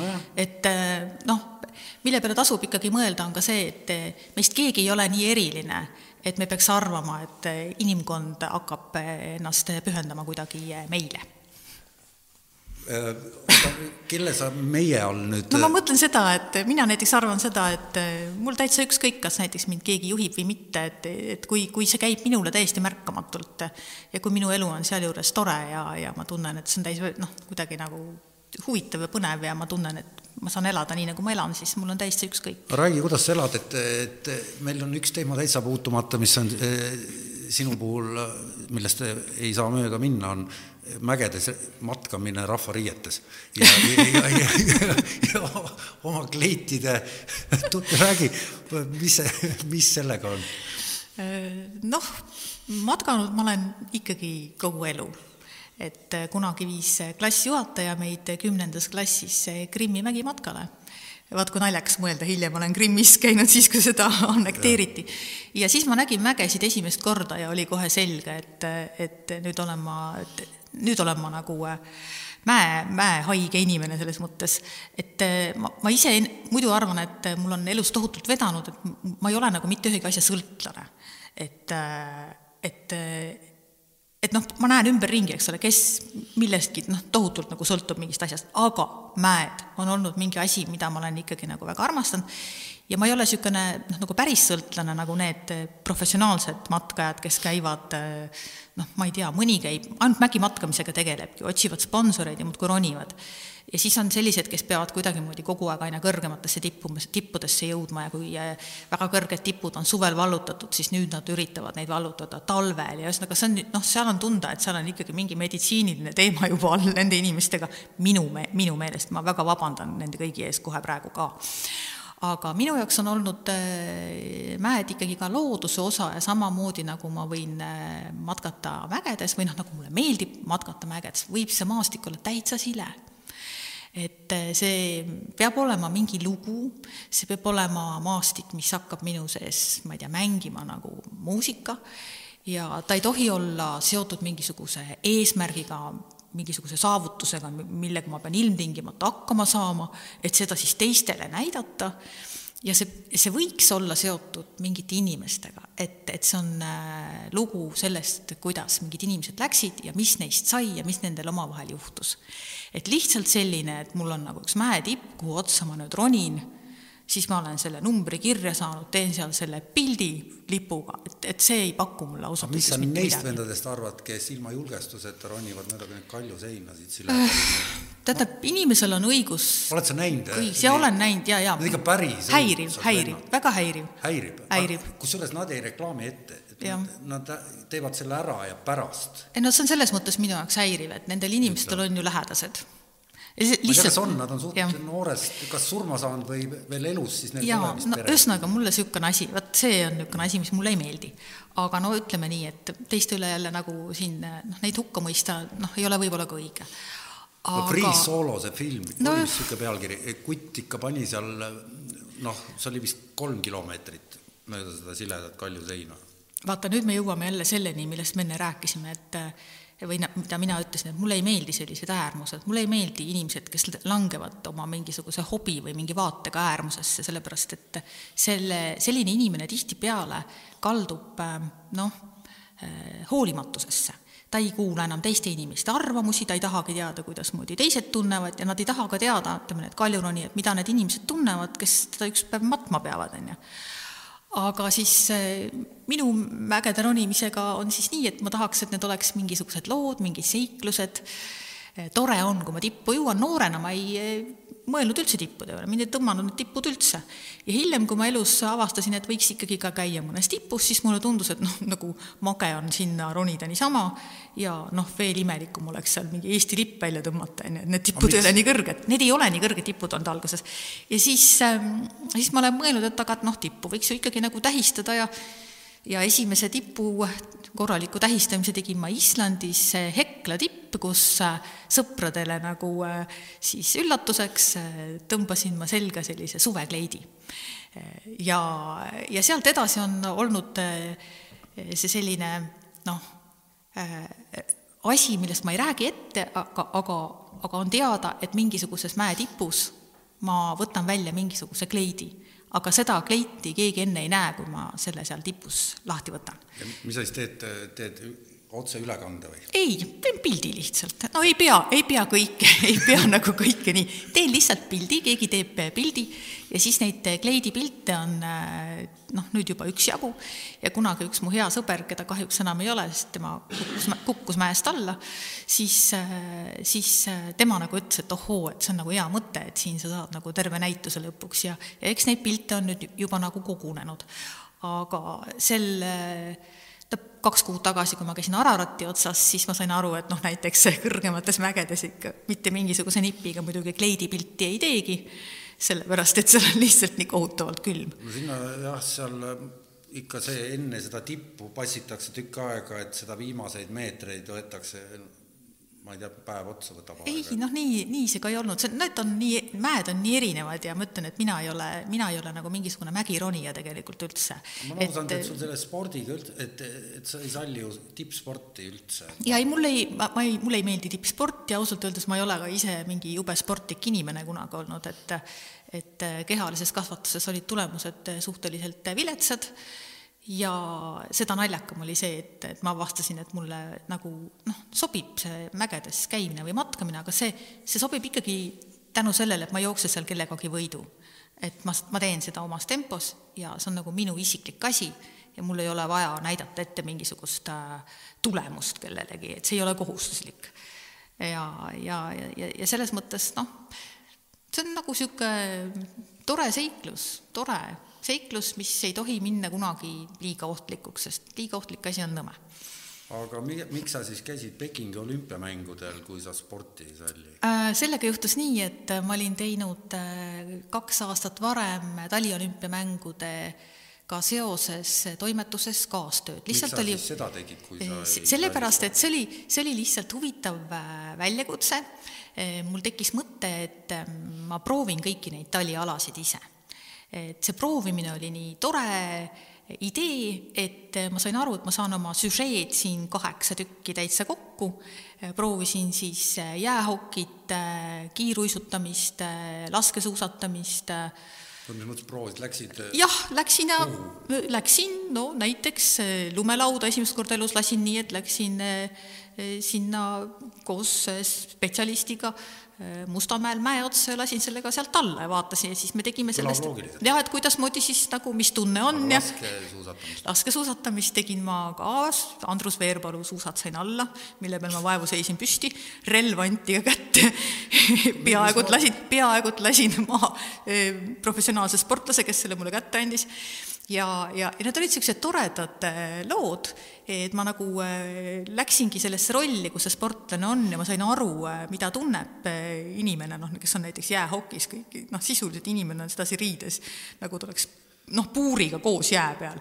et see oli huvitav, selles oli, seal oli see inimlik aspekt ja kuna see kukkus hästi välja, siis sporditoimetus, kes on meil muuseas, koosneb hästi kihvtidest inimestest, siis äh, nad võtsid äh, mu Pekingisse kaasa tegema, iga päev pidin tegema ühe äh, nagu loo Pekingist, mis oli siis nagu spordiväline ja, ja ka poliitiline, selgitama seda riiki ja seda, seda linna, kus me olime. no ja kuidas Peking, ma panin, näed, siia see puust koorekann on Hiina toode, see, see, see on viide Hiinale, ma panin selle muide siia meelega, seda muidu teistes saadetes ei ole, et, et Hiina kohta veidikene uurida, et äh, mis, mis, jätame nüüd niisugused banaalsed poliitilised spekulatsioonid kõrvale, mida igal pool arutatakse, et Hiina kommunistlik partei ja, ja kõik see värk, aga et mis sa nagu arvad, mis, mis seal ikkagi, mis nende peades toimub? ega sellest ma aru ei saagi, et ma olen nüüd eh, käinud juba kolm korda Hiinas ja saanud seal ringi sõita ka ja ma olen ise käinud ka äh, varem, isegi ennem kui ma Pekingisse sattusin, ka Hongkongis kas oli siis Hongkong oli juba see leping Hong... jaa, just oli, just oli see leping läbi saanud. ja, ja selles mõttes äh, ma olen saanud Hiinas nii palju ringi rännata, et, et ma olen näinud täitsa erinevaid kohti. Äh, ma olen saanud uiguuride aladel äh, päris põhjalikult ringi käia ja näha, mis seal toimub ja Pekingis ja, ja siis Hongkongis ja veel väiksemates linnades. Et mis mind nagu hirmutas Äh, oli see, et inimesed on ikkagi noh, meie jaoks täiesti uskumatu äh, ajupesu küüsis ja see ei ole nagu ajupesu, see ei ole isegi õige sõna. Neil on oma patriotism ja neil on oma veendumused, nad tajuvad oma riiki nii suurena, mis on jumala tõsi, on ju. et no, nad ei, jaa, et, et nad tajuvad seda täiesti loogilise sellise äh, Äh, maakera keskpaigana ja näiteks Euroopa, Euroopa tundubki, kusjuures ta tundubki seal, kui nagu natukenegi juba kauem elada seal kohapeal, tundub sellise väikse imeliku moodustisena, kus on veel hästi palju niisuguseid pisikeseid riike, täitsa aru ei saa, mis asjad nad on. et näiteks Aafrika oma paljude riikidega tundub mm -hmm. kuidagi palju suurem ja konkreetsem. et see Euroopa on nagu nii marginaalne. ameeriklaste lähtepunkt on sama no,. no jaa, aga, aga, aga et, ähm, et, aga et, et see, et see, mis nende peades toimub, on ikkagi teadmine, et kogu planeet ongi Hiina ja, ja, ja, ja et noh, nii tulebki mõelda, nagu Hiinas mõeldakse, noh, natukene võib-olla nagu Nõukogude ajal mõtlesid võib-olla, ma ei tea, kuidas venelased mõtlesid, aga noh, võisid mõelda, et Nõukogude Liit ongi kogu maailm, sest ta lihtsalt oli nii suur, on ju. aga, aga nad nagu siiralt ei äh, saa aru äh, sellest, kuidas inimesed mujal tunnevad või elavad, noh, väga paljud neist. ja näiteks eh, mind eh, ühel Hiina reisil saatis üks kutt, kes oskas inglise keelt, noh, see on kõva sõna, kui sa oskad inglise keelt Hiinas ja täitsa korralikult. kas see me räägime praegu linnadest ikka. kas no, ei ole ei, see oli, see oli Pekingis ja see oli, see oli, see oli üks üritus, kus ma käisin Hiinas, olin mitu nädalat, see oli täiesti ametlik Hiina ajupesuüritus ja ajupesuüritusel anti siis nagu inimesele, igale inimesele ka oma tõlk et kui ta tahab, noh, ma ei tea, suhelda kellegagi, kes ei oska inglise keelt, noh, ja, ja minul oli siis selline tõlk olemas, täiesti mhm. ilusa inglise keelega kutt, on ju, mhm. noor inimene ja kui ma uurisin näiteks tema käest, et ähm, et kas ta on mõelnud, tal on selline inglise keel, et ta võiks nagu reisida kusagil, kusagil mujal veel, ta ei olnud kunagi äh, läinud Hiinast välja. et kas ta ei ole mõelnud, et ta võiks Euroopasse sõita või Ameerikasse või et tal on ju keel suus, siis ta ütles, et aga milleks? meil on kõik siin Hiinas olemas. igasugused maastikud, igasugused kultuurid, kõik on meil siin olemas. meil on nii suur riik, on ju, ma sõidan tuhandeid kilomeetreid ja ma olen ikka oma riigis ja see vastab jumala tõele ja teine asi näiteks, millesse, kui ma sealt ära tulin, sealt konkreetselt ajupesuürituselt, siis üks äh, noor tütarlaps, kes oli meid ka saatnud, jumal teab mis rollis, äh, ütles, et ta tahab kahte asja küsida minu käest, et noh, enne ärasõitu, et noh, et, et absoluutselt omavahel, et, et noh, et, et ära sa jumala eest kellelegi ütle, et ma seda küsisin, aga kaks asja ikkagi. et üks, mida ta tahtis teada, et kas mul on tõesti oma juuksed peas, sellised valged, ja teine asi oli see, et kas see on mingi eriti friik-nali või mis asja sa rääkisid, et sa võid nagu põhimõtteliselt ajakirjanikuna küsida, ma ei tea, otse-eetris oma presidendilt või peaministrilt või rikkalt inimeselt, mida sina tahad. et noh, mitte kellegagi ei kooskõlasta, noh, mis meil tegelikult nagu põhimõtteliselt ma teen no, nagu AK-s tööd, ma, ma teengi, ma olengi täitsa vaba, on ju. aga et, et noh, okei okay,, ma saan veel aru sellest, et ta nagu rõhutas, et, et kuidas ma võin seda teha presidendi või peaministriga, aga ta rõhutas veel ka seda, et väga rikka inimesega. et ma sain aru, et väga rikas inimene on Hiinas selline asi, et ta võib teha, mida ta tahab ja see ongi okei okay. et ühesõnaga, selle vastu ei ole mitte midagi teha, keegi ei üritagi selle vastu midagi teha. ja, ja vaata, see on selline oota, kas neil on äh, partei ja, ja rik-, rika, rikas inimene, need on äh, käivad partei võib üldse vist ära unustada, partei teema vist võib üldse ära unustada, Hiina on täitsa tavaline kapitalistlik riik, kus äh, puudub demokraatia. vot äh, siin nüüd ma vajan veits selgitust, et räägi seal natuke võib-olla rohkem. no kas see partei on ju tegelikult ei, no, äh, lihtsalt üks äh, ei, sa ütlesid ajupestud, ma selles kontekstis küsin, et mis see ajupestud ajupesu ei ole see, aju, vot ajupesu ei ole kindlasti mingisugune kommunistlik propaganda. see ei ole, mina ei ole näinud kuskil Hiinas mingit tõsiseltvõetavat kommunistlikku propaganda ohvrit. et jutt käib, jaa, see on ikkagi Hiina natsionalism ja see on ikkagi äh, selle võimsuse tunnetus ja ka see, et inimese, inimene teab, mis on tema koht ühiskonnas. ja seal taga ei ole mitte ainult siis ka Hiina, vaid see on üldse idamaine filosoofia, see on see kollektiivne, jah, see on kollektiivsus mida meil Eestis on väga raske aru saada. sa Hiinas ikkagi naljalt ei kuku seal soleerima, vaid sa ikkagi pead arvestama oma perekonnaga, oma lähikonnaga, oma kohaga rollis või oma, oma, oma kohaga ühiskonnas, et, et see ei ole isegi ainult, ainult Hiinas nii, see on noh, täpselt samamoodi Jaapanis aga, või noh, ka üldse laiemalt, eks ole, idas, aga seal on see siis segunenud sellise et, et, et selline kollektiivsus on ähm, noh, siis organiseeritud äh, sellele eliidile sobival moel, kes praegu on Hiinas võimul. ja noh, mina ei nimetaks neid mitte kuidagimoodi kommunistlikeks, võib-olla seal noh, võib leida mingeid elemente, see on täitsa tavaline niisugune äh, äh, noh, niisugune riigi poolt juhitud kapitalism, niisugune väga kummaline asi. ja nad on väga edukad ja seda on, ütleme, et Hiinas võiks selles mõttes iga inimene ära käia, kes leiab, et Hiina ei ole näiteks meile ohtlik, et noh, et, et me võime küll Hiina raha vastu võtta, et et mis seal siis ikka, nad on teisel pool planeeti, et noh, et las ehitavad meile siin tunneleid või asju, et mismoodi nad meid siin juhtida saavad. et kõik need inimesed võiksid selles mõttes ikkagi Hiinas ära käia, et seal on, et näha seda, mida tähendab, kui on palju inimesi mida tähendab, kui majad on suured. mina arvan, et mina nägin Pekingis ühte sellist maja, kuhu vist võiks kõik eestlased panna.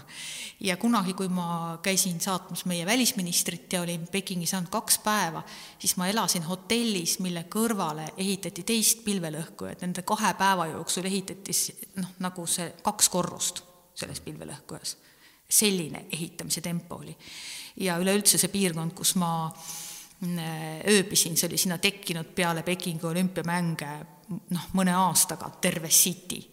et, et näha seda mastaapsust, näha seda suurust, nad on nii võimsad, et noh, sellises olukorras, kus riik suudabki nii ehitada ja nii areneda, ei ole nagu ka noh, seda pinda, kus, kus, kus opositsioon võiks tõusta, sellepärast et et tihtipeale ikkagi opositsioon sünnib siis, kui ressurssi ei jätku kõigile aga no, Hiina jagab seda väga kavalalt kõigile. no kui neil on see sotsiaalse indeksi süsteem näotuvastusega, mis neil praegu seal on, et, et noh, siis seal niisugust vabadust tõmmelda eriti palju ei, ei vabadust ei ole jah, aga samas ma, ma just ütlengi, et eh, Hiinas ei ole tõenäoliselt ka elanud inimesed kunagi nii hästi kui täna. ma, ma, ma ei, ma loodan, et see väide on õige, et see, mida ma olen näinud, et ühest küljest nad saavad hakkama sellise äh, päris jubeda kultuurigenotsiidiga, et, et eh, külad tõmmatakse maha. Ja need inimesed, kes on harjunud elama külades, peavad välja kolima oma kodudest, pole, pole üleüldse valikutki. niisuguseid külasid ma nägin ja ma nägin, kuidasmoodi kõrbes olid eh, miks nad peavad? sellepärast, et neile ehitatakse suured korralikud elumajad selle asemele ja seda ma nägin tõesti oma silmaga pealt. et Hiina aga mis neil selle vastu on?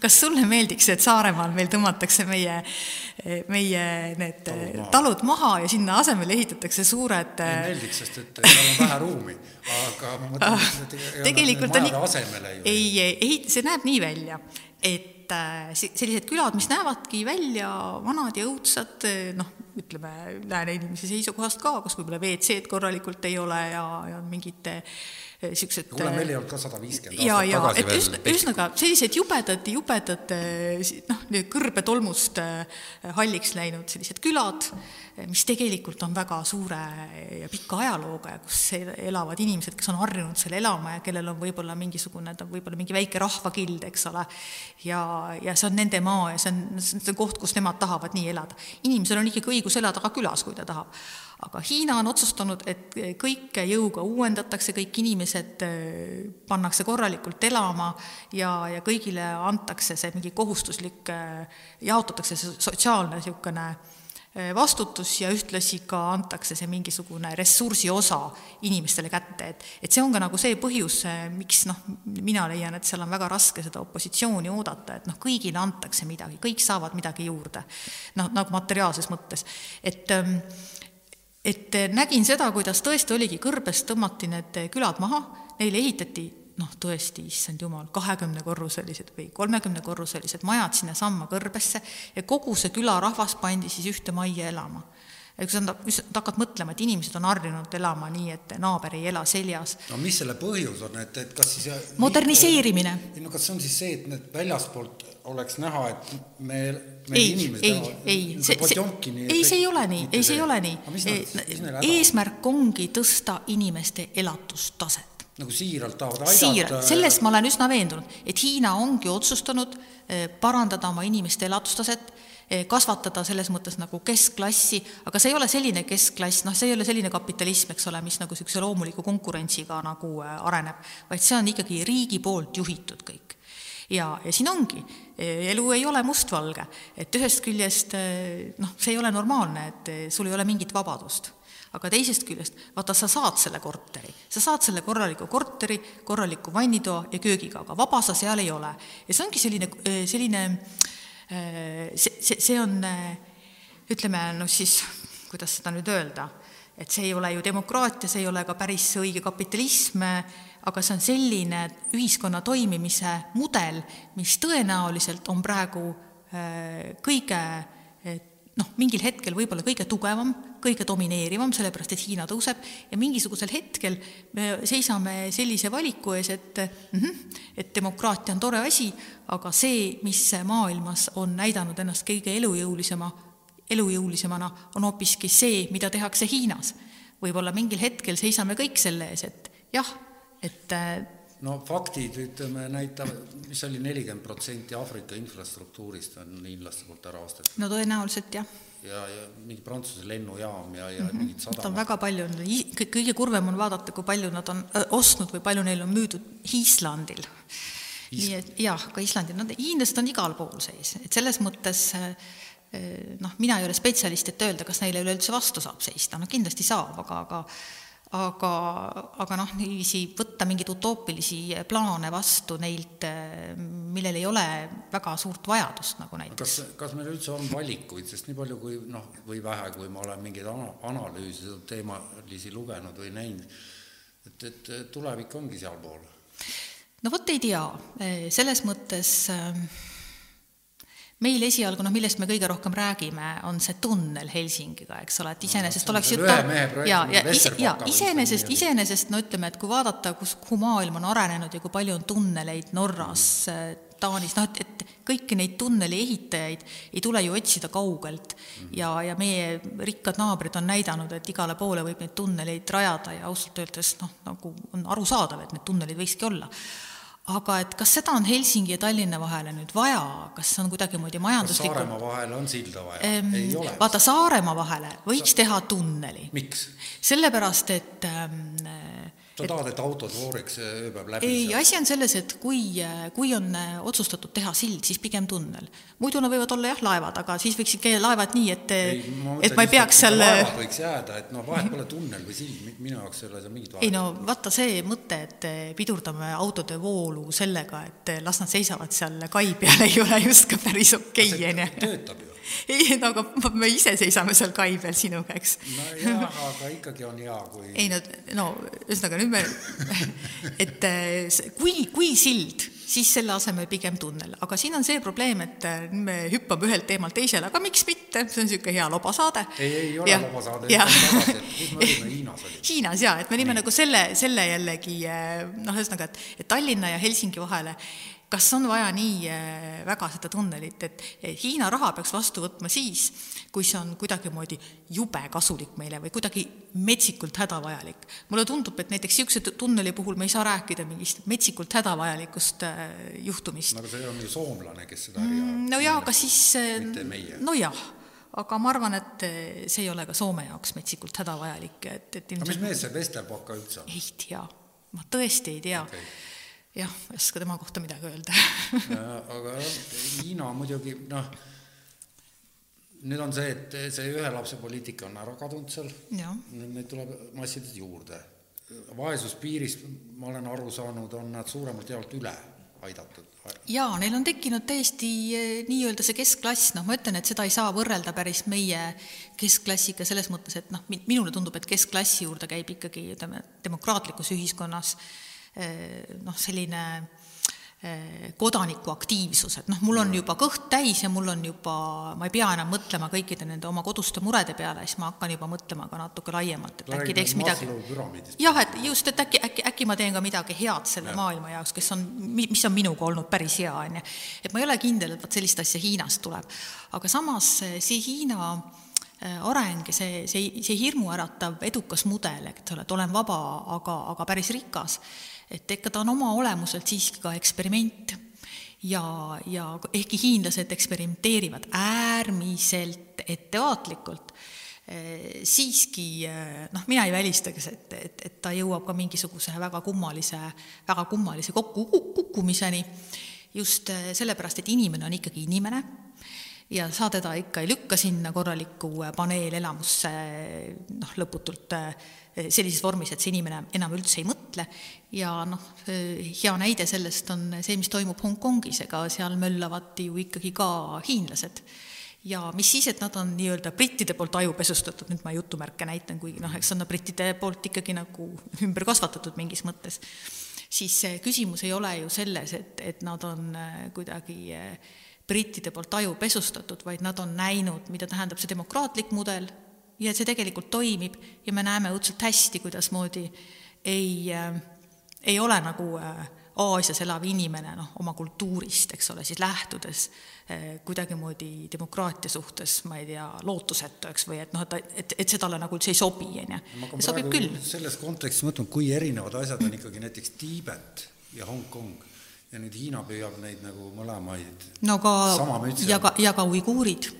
No. ja uiguuridest noh, räägitakse veidi vähem, Tiibetist rohkem, aga nad on selles mõttes väga sarnased piirkonnad, et noh, nad on täiesti erinevad no ütleme sellisest keskmisest tava-Hiinast ja, ja ja, ja mõlemad on noh, nagu sellest oma iseseisvusest ilma ja mõlemad on selles mõttes ähm, äh, lootusetult pantvangis, et ma, ma nüüd Tiibeti kohta täpselt ei tea, mm, Tiibeti eksiilis olev parlamendisaadik äh, ütles mulle hiljuti, et äh, Tiibeti alt on leitud ka maavarasid ja nad kardavad, et keeravad selle täiesti segi, aga kindlasti on noh, suurem osa maavaradest uiguuride maavalduste all et noh, pole lootustki, et Hiina kuidagigi moodi kunagi mingisuguselgi moel neile nagu mingisugust noh, nad laseks nagu Hiina küljest lahti näiteks.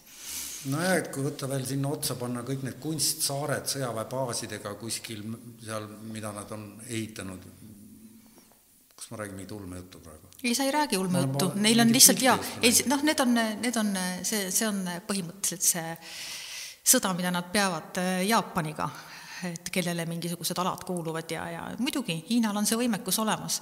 Hiinal on olemas võimekus teha mida tahes, kuid mitte päris siiski kõike.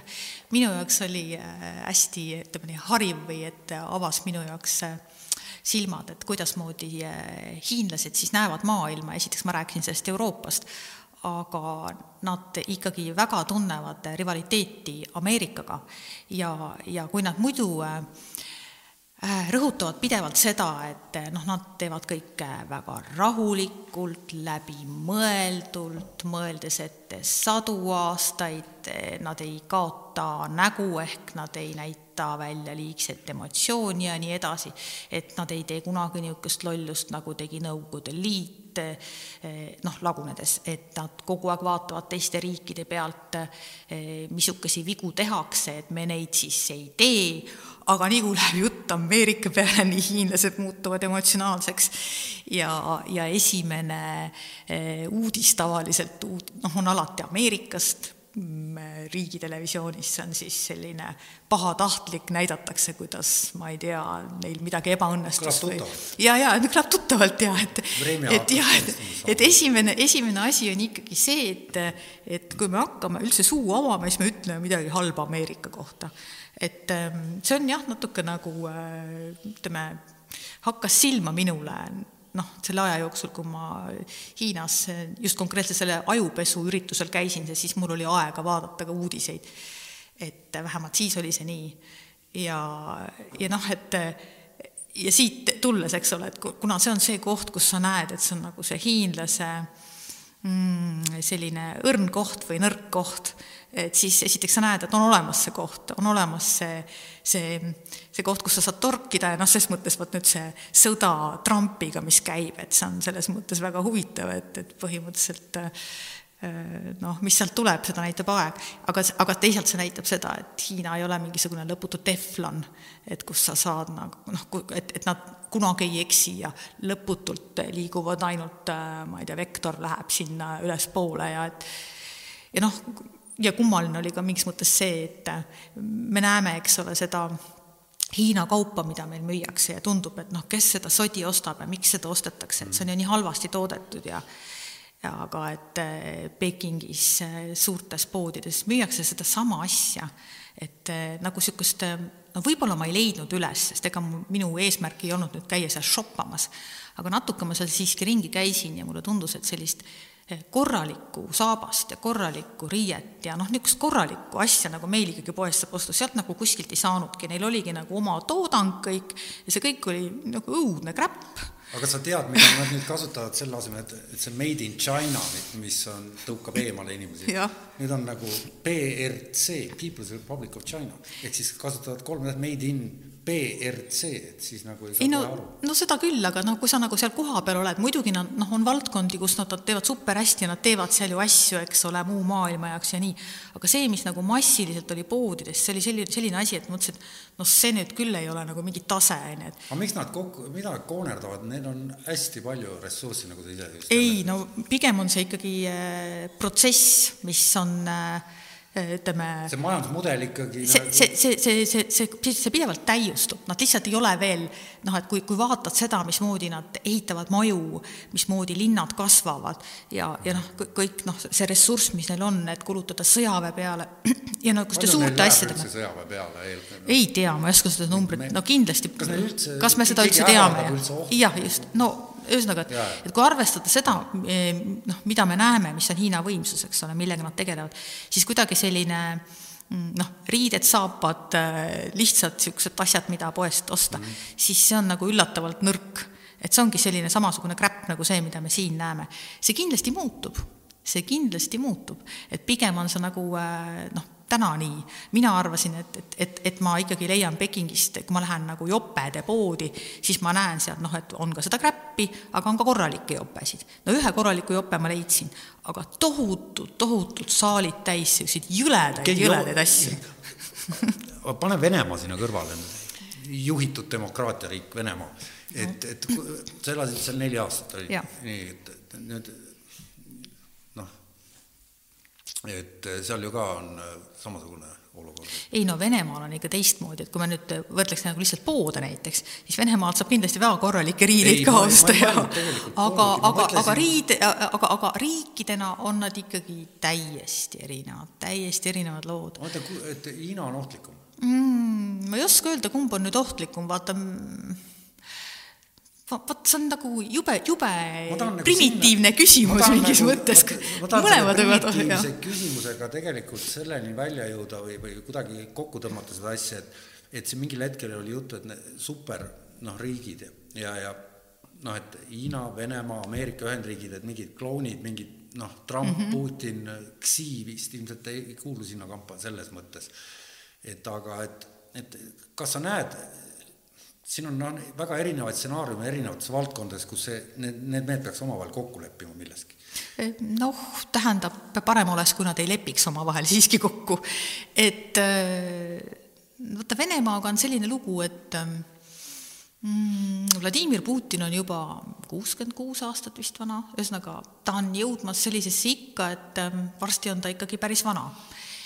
ja, ja samas on see üks suur hõre riik mis on ennast küll näidanud äh, väga kõva tegijana viimastel aastatel äh, Ukrainas ja Süürias nüüd ja, ja mis kõik veel, aga ma ikkagi Venemaal näen sellist ähm, mm, sellist kriisi tulemas, mitte homme, mitte ülehomme, just nimelt see, igasugust kriisi, ka poliitilist sellepärast, et ähm, ma ei näe, et Vladimir Putin oleks jätnud maha, noh, ta, tal peaks juba olema jäetud maha mingisugune selge visioon, kuhu Venemaa läheb. ja me näeme ja tõesti, Venemaal elavad inimesed äh, nii hästi, nagu nad pole kunagi varem elanud, nii nagu meie elame Eestis praegu nii hästi, nagu me ja pole nagu kunagi varem, just, just täpselt nagu Hiinaski aga sellegipoolest on Venemaal ikkagi tohutult probleeme ja, ja see, see, mm, see ressurss on jagunenud, äh, mulle näib, väga ebavõrdselt. E, ja samamoodi on väga ebavõrdselt jagunenud seal inimesed sellel suurel tühjal äh, väljal. no hiinlased ju tulevad ju peale no ka. jah, ka seda, samas on muuseas olemas tohutult suured, tohutult suured äh, linnaosad Hiinas, mis on venekeelsed, mis on vene vene nagu linnad. nii et ega see, see ei ole üldse, see ka teistpidi käib see asi okay. ja, ja nii et aga, aga et küsimus ei ole isegi selles, et kust nüüd mingisugused rahvad peale valguvad, vaid ikkagi tuleb kuidagimoodi seda ohjeldada, seda, seda riiki ja majandada, et ähm, ja, ja küsimus ei ole isegi selles, et nii palju erinevaid rahvusi seal on ja võib-olla nad mingisugusel hetkel hakkavad seal, ma ei tea, käärima või nii, vaid lihtsalt selle suure maa-ala peal on inimesi liiga vähe ja, ja Putin on üles ehitanud nagu mingisuguse sellise muinasjutulise mm, riigi, kus on äh, hea Putin ja asjad on nagu korras ja teil kõigil on nagu piisavalt süüa ja juua ja ja vaata nüüd erinevus Hiinast ongi see, et Hiinas ikkagi see süsteem on selge ja kindel, selles ma olen veendunud. seal ei ole see asi seotud nii, nii väga ainult ühe inimesega vaid seal on ikkagi selline suurem seltskond, kes otsustab ja siis omavahel, eks ole, seal asju klaarib. aga mulle tundub eh, see Putini võim üsna habras ja elu on näidanud seda, et, et Kremlis toimuvad ikkagi sellised närvilised ja poolhullumeelsed eh, sellised võimuvahetused. me oleme näinud peale Nõukogude Liidu lagunemist ainult ühte võimuvahetust ja see on noh, peale Jeltsin, eh, on Putin ja rohkem ei olegi puudub, puudub, no ikka tuleb, kui ta ära sureb lõpuks. et ei, no jaa, aga okei okay.. jaa, aga puudub nagu selline, eh, puudub eh, no ütleme, kogemus ja puudub traditsioon ja harjumus seda võimu vahetada. ja, ja seda ei osa, see, see kukub kuidagi alati nagu sedasi ette, etteaimamatult välja. ja, ja selles mõttes on äh, Venemaa ohtlik pigem iseendale. noh, ja siis sealt võivad tulla igasugused muud probleemid, ma arvan, et täna on selles mõttes Venemaa ikkagi noh, meie jaoks rahulik riik, et inimesed elavad piisavalt hästi. ja, ja ma kahtlustan, et inimesed, kes elavad piisavalt hästi, ei taha sõdida.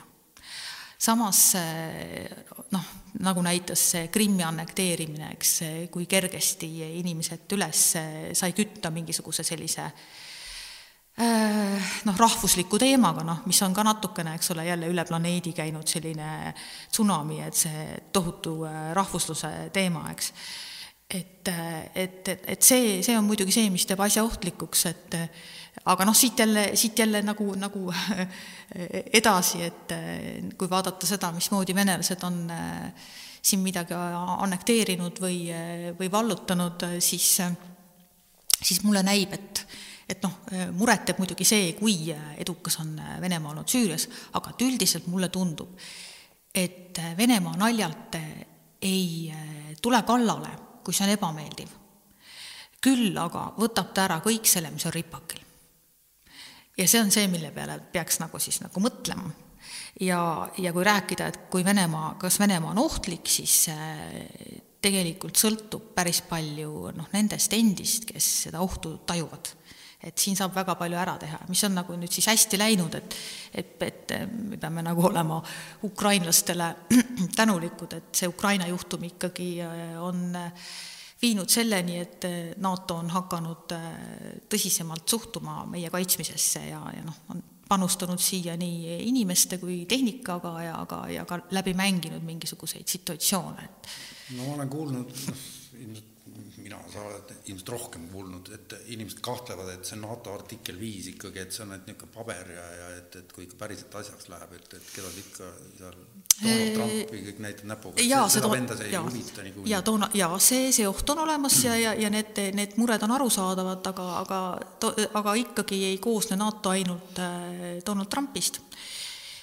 ja selles mõttes siin on nüüd äh, ju noh, võimalik mõelda nii, et jah, sellest ei ole kasu, aga mis, mis siis nagu parem variant oleks see, et me ei ole NATO-s ja siis istume ja väriseme, vot siis ja oleks nagu ei olegi paremat varianti. ei olegi paremat varianti ja ma ise mõtlen siiski selle peale, et et noh, kui vaadata, mismoodi NATO meile appi tuleb, et siis ega sellist ideaalvarianti ei olegi, et nad on siin, kui ma ei tea, venelaste lennukid tulevad Tallinnat pommitama, et siis nad on meil kohe abiks, kohe nagu absoluutselt igas asjas, on ju et eh, neil on mingisugune ettevalmistusaeg eh, ja siin hakkavad igasugused asjaolud eh, selguma ja ühesõnaga miski ei lähe võib-olla ideaalselt, aga ma arvan ja usun võib-olla sinisilmsena, kuid siiski rohkem kui kunagi varem, et nad tõesti on meil abiks.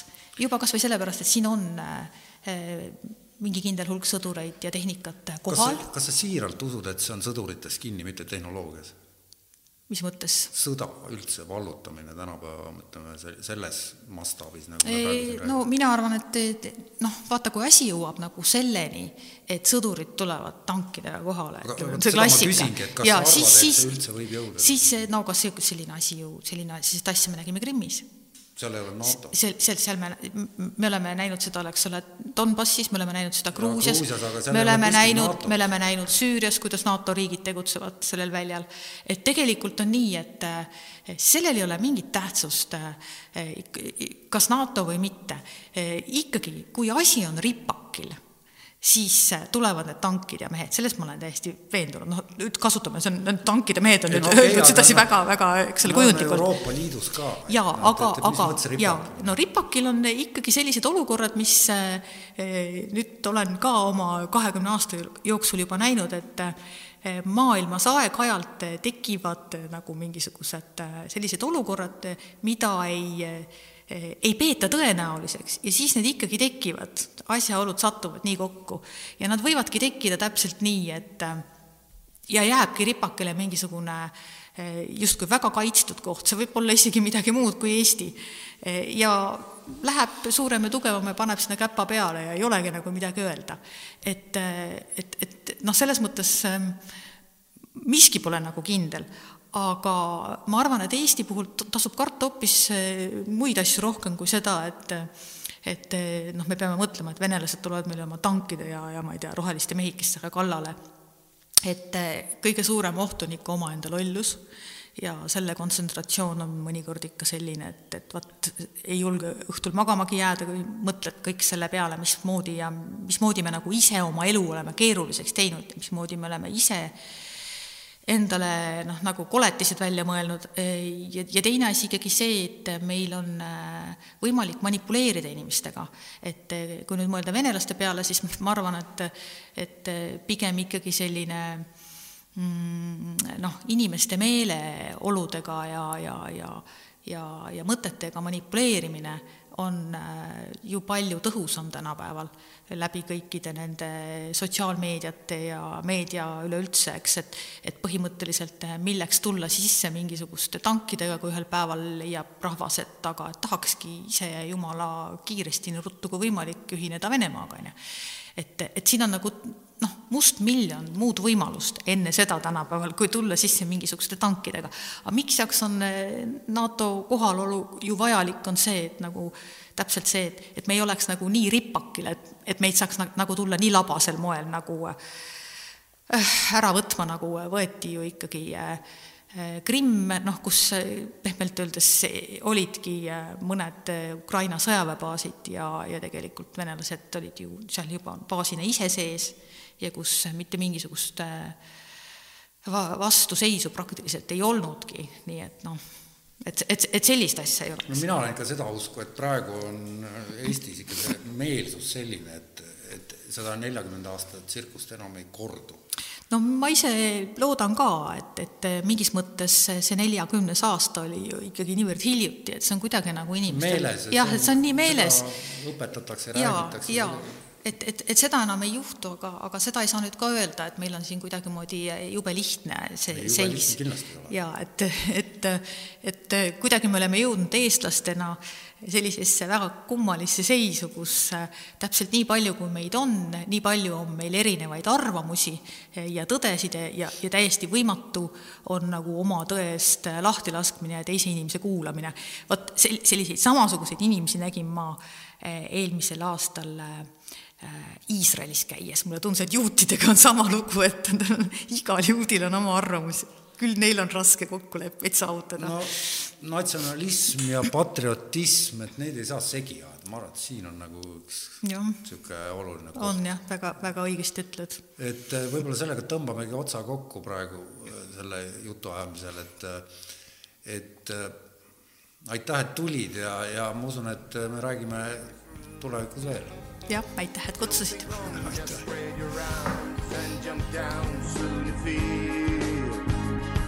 The wind is flying near.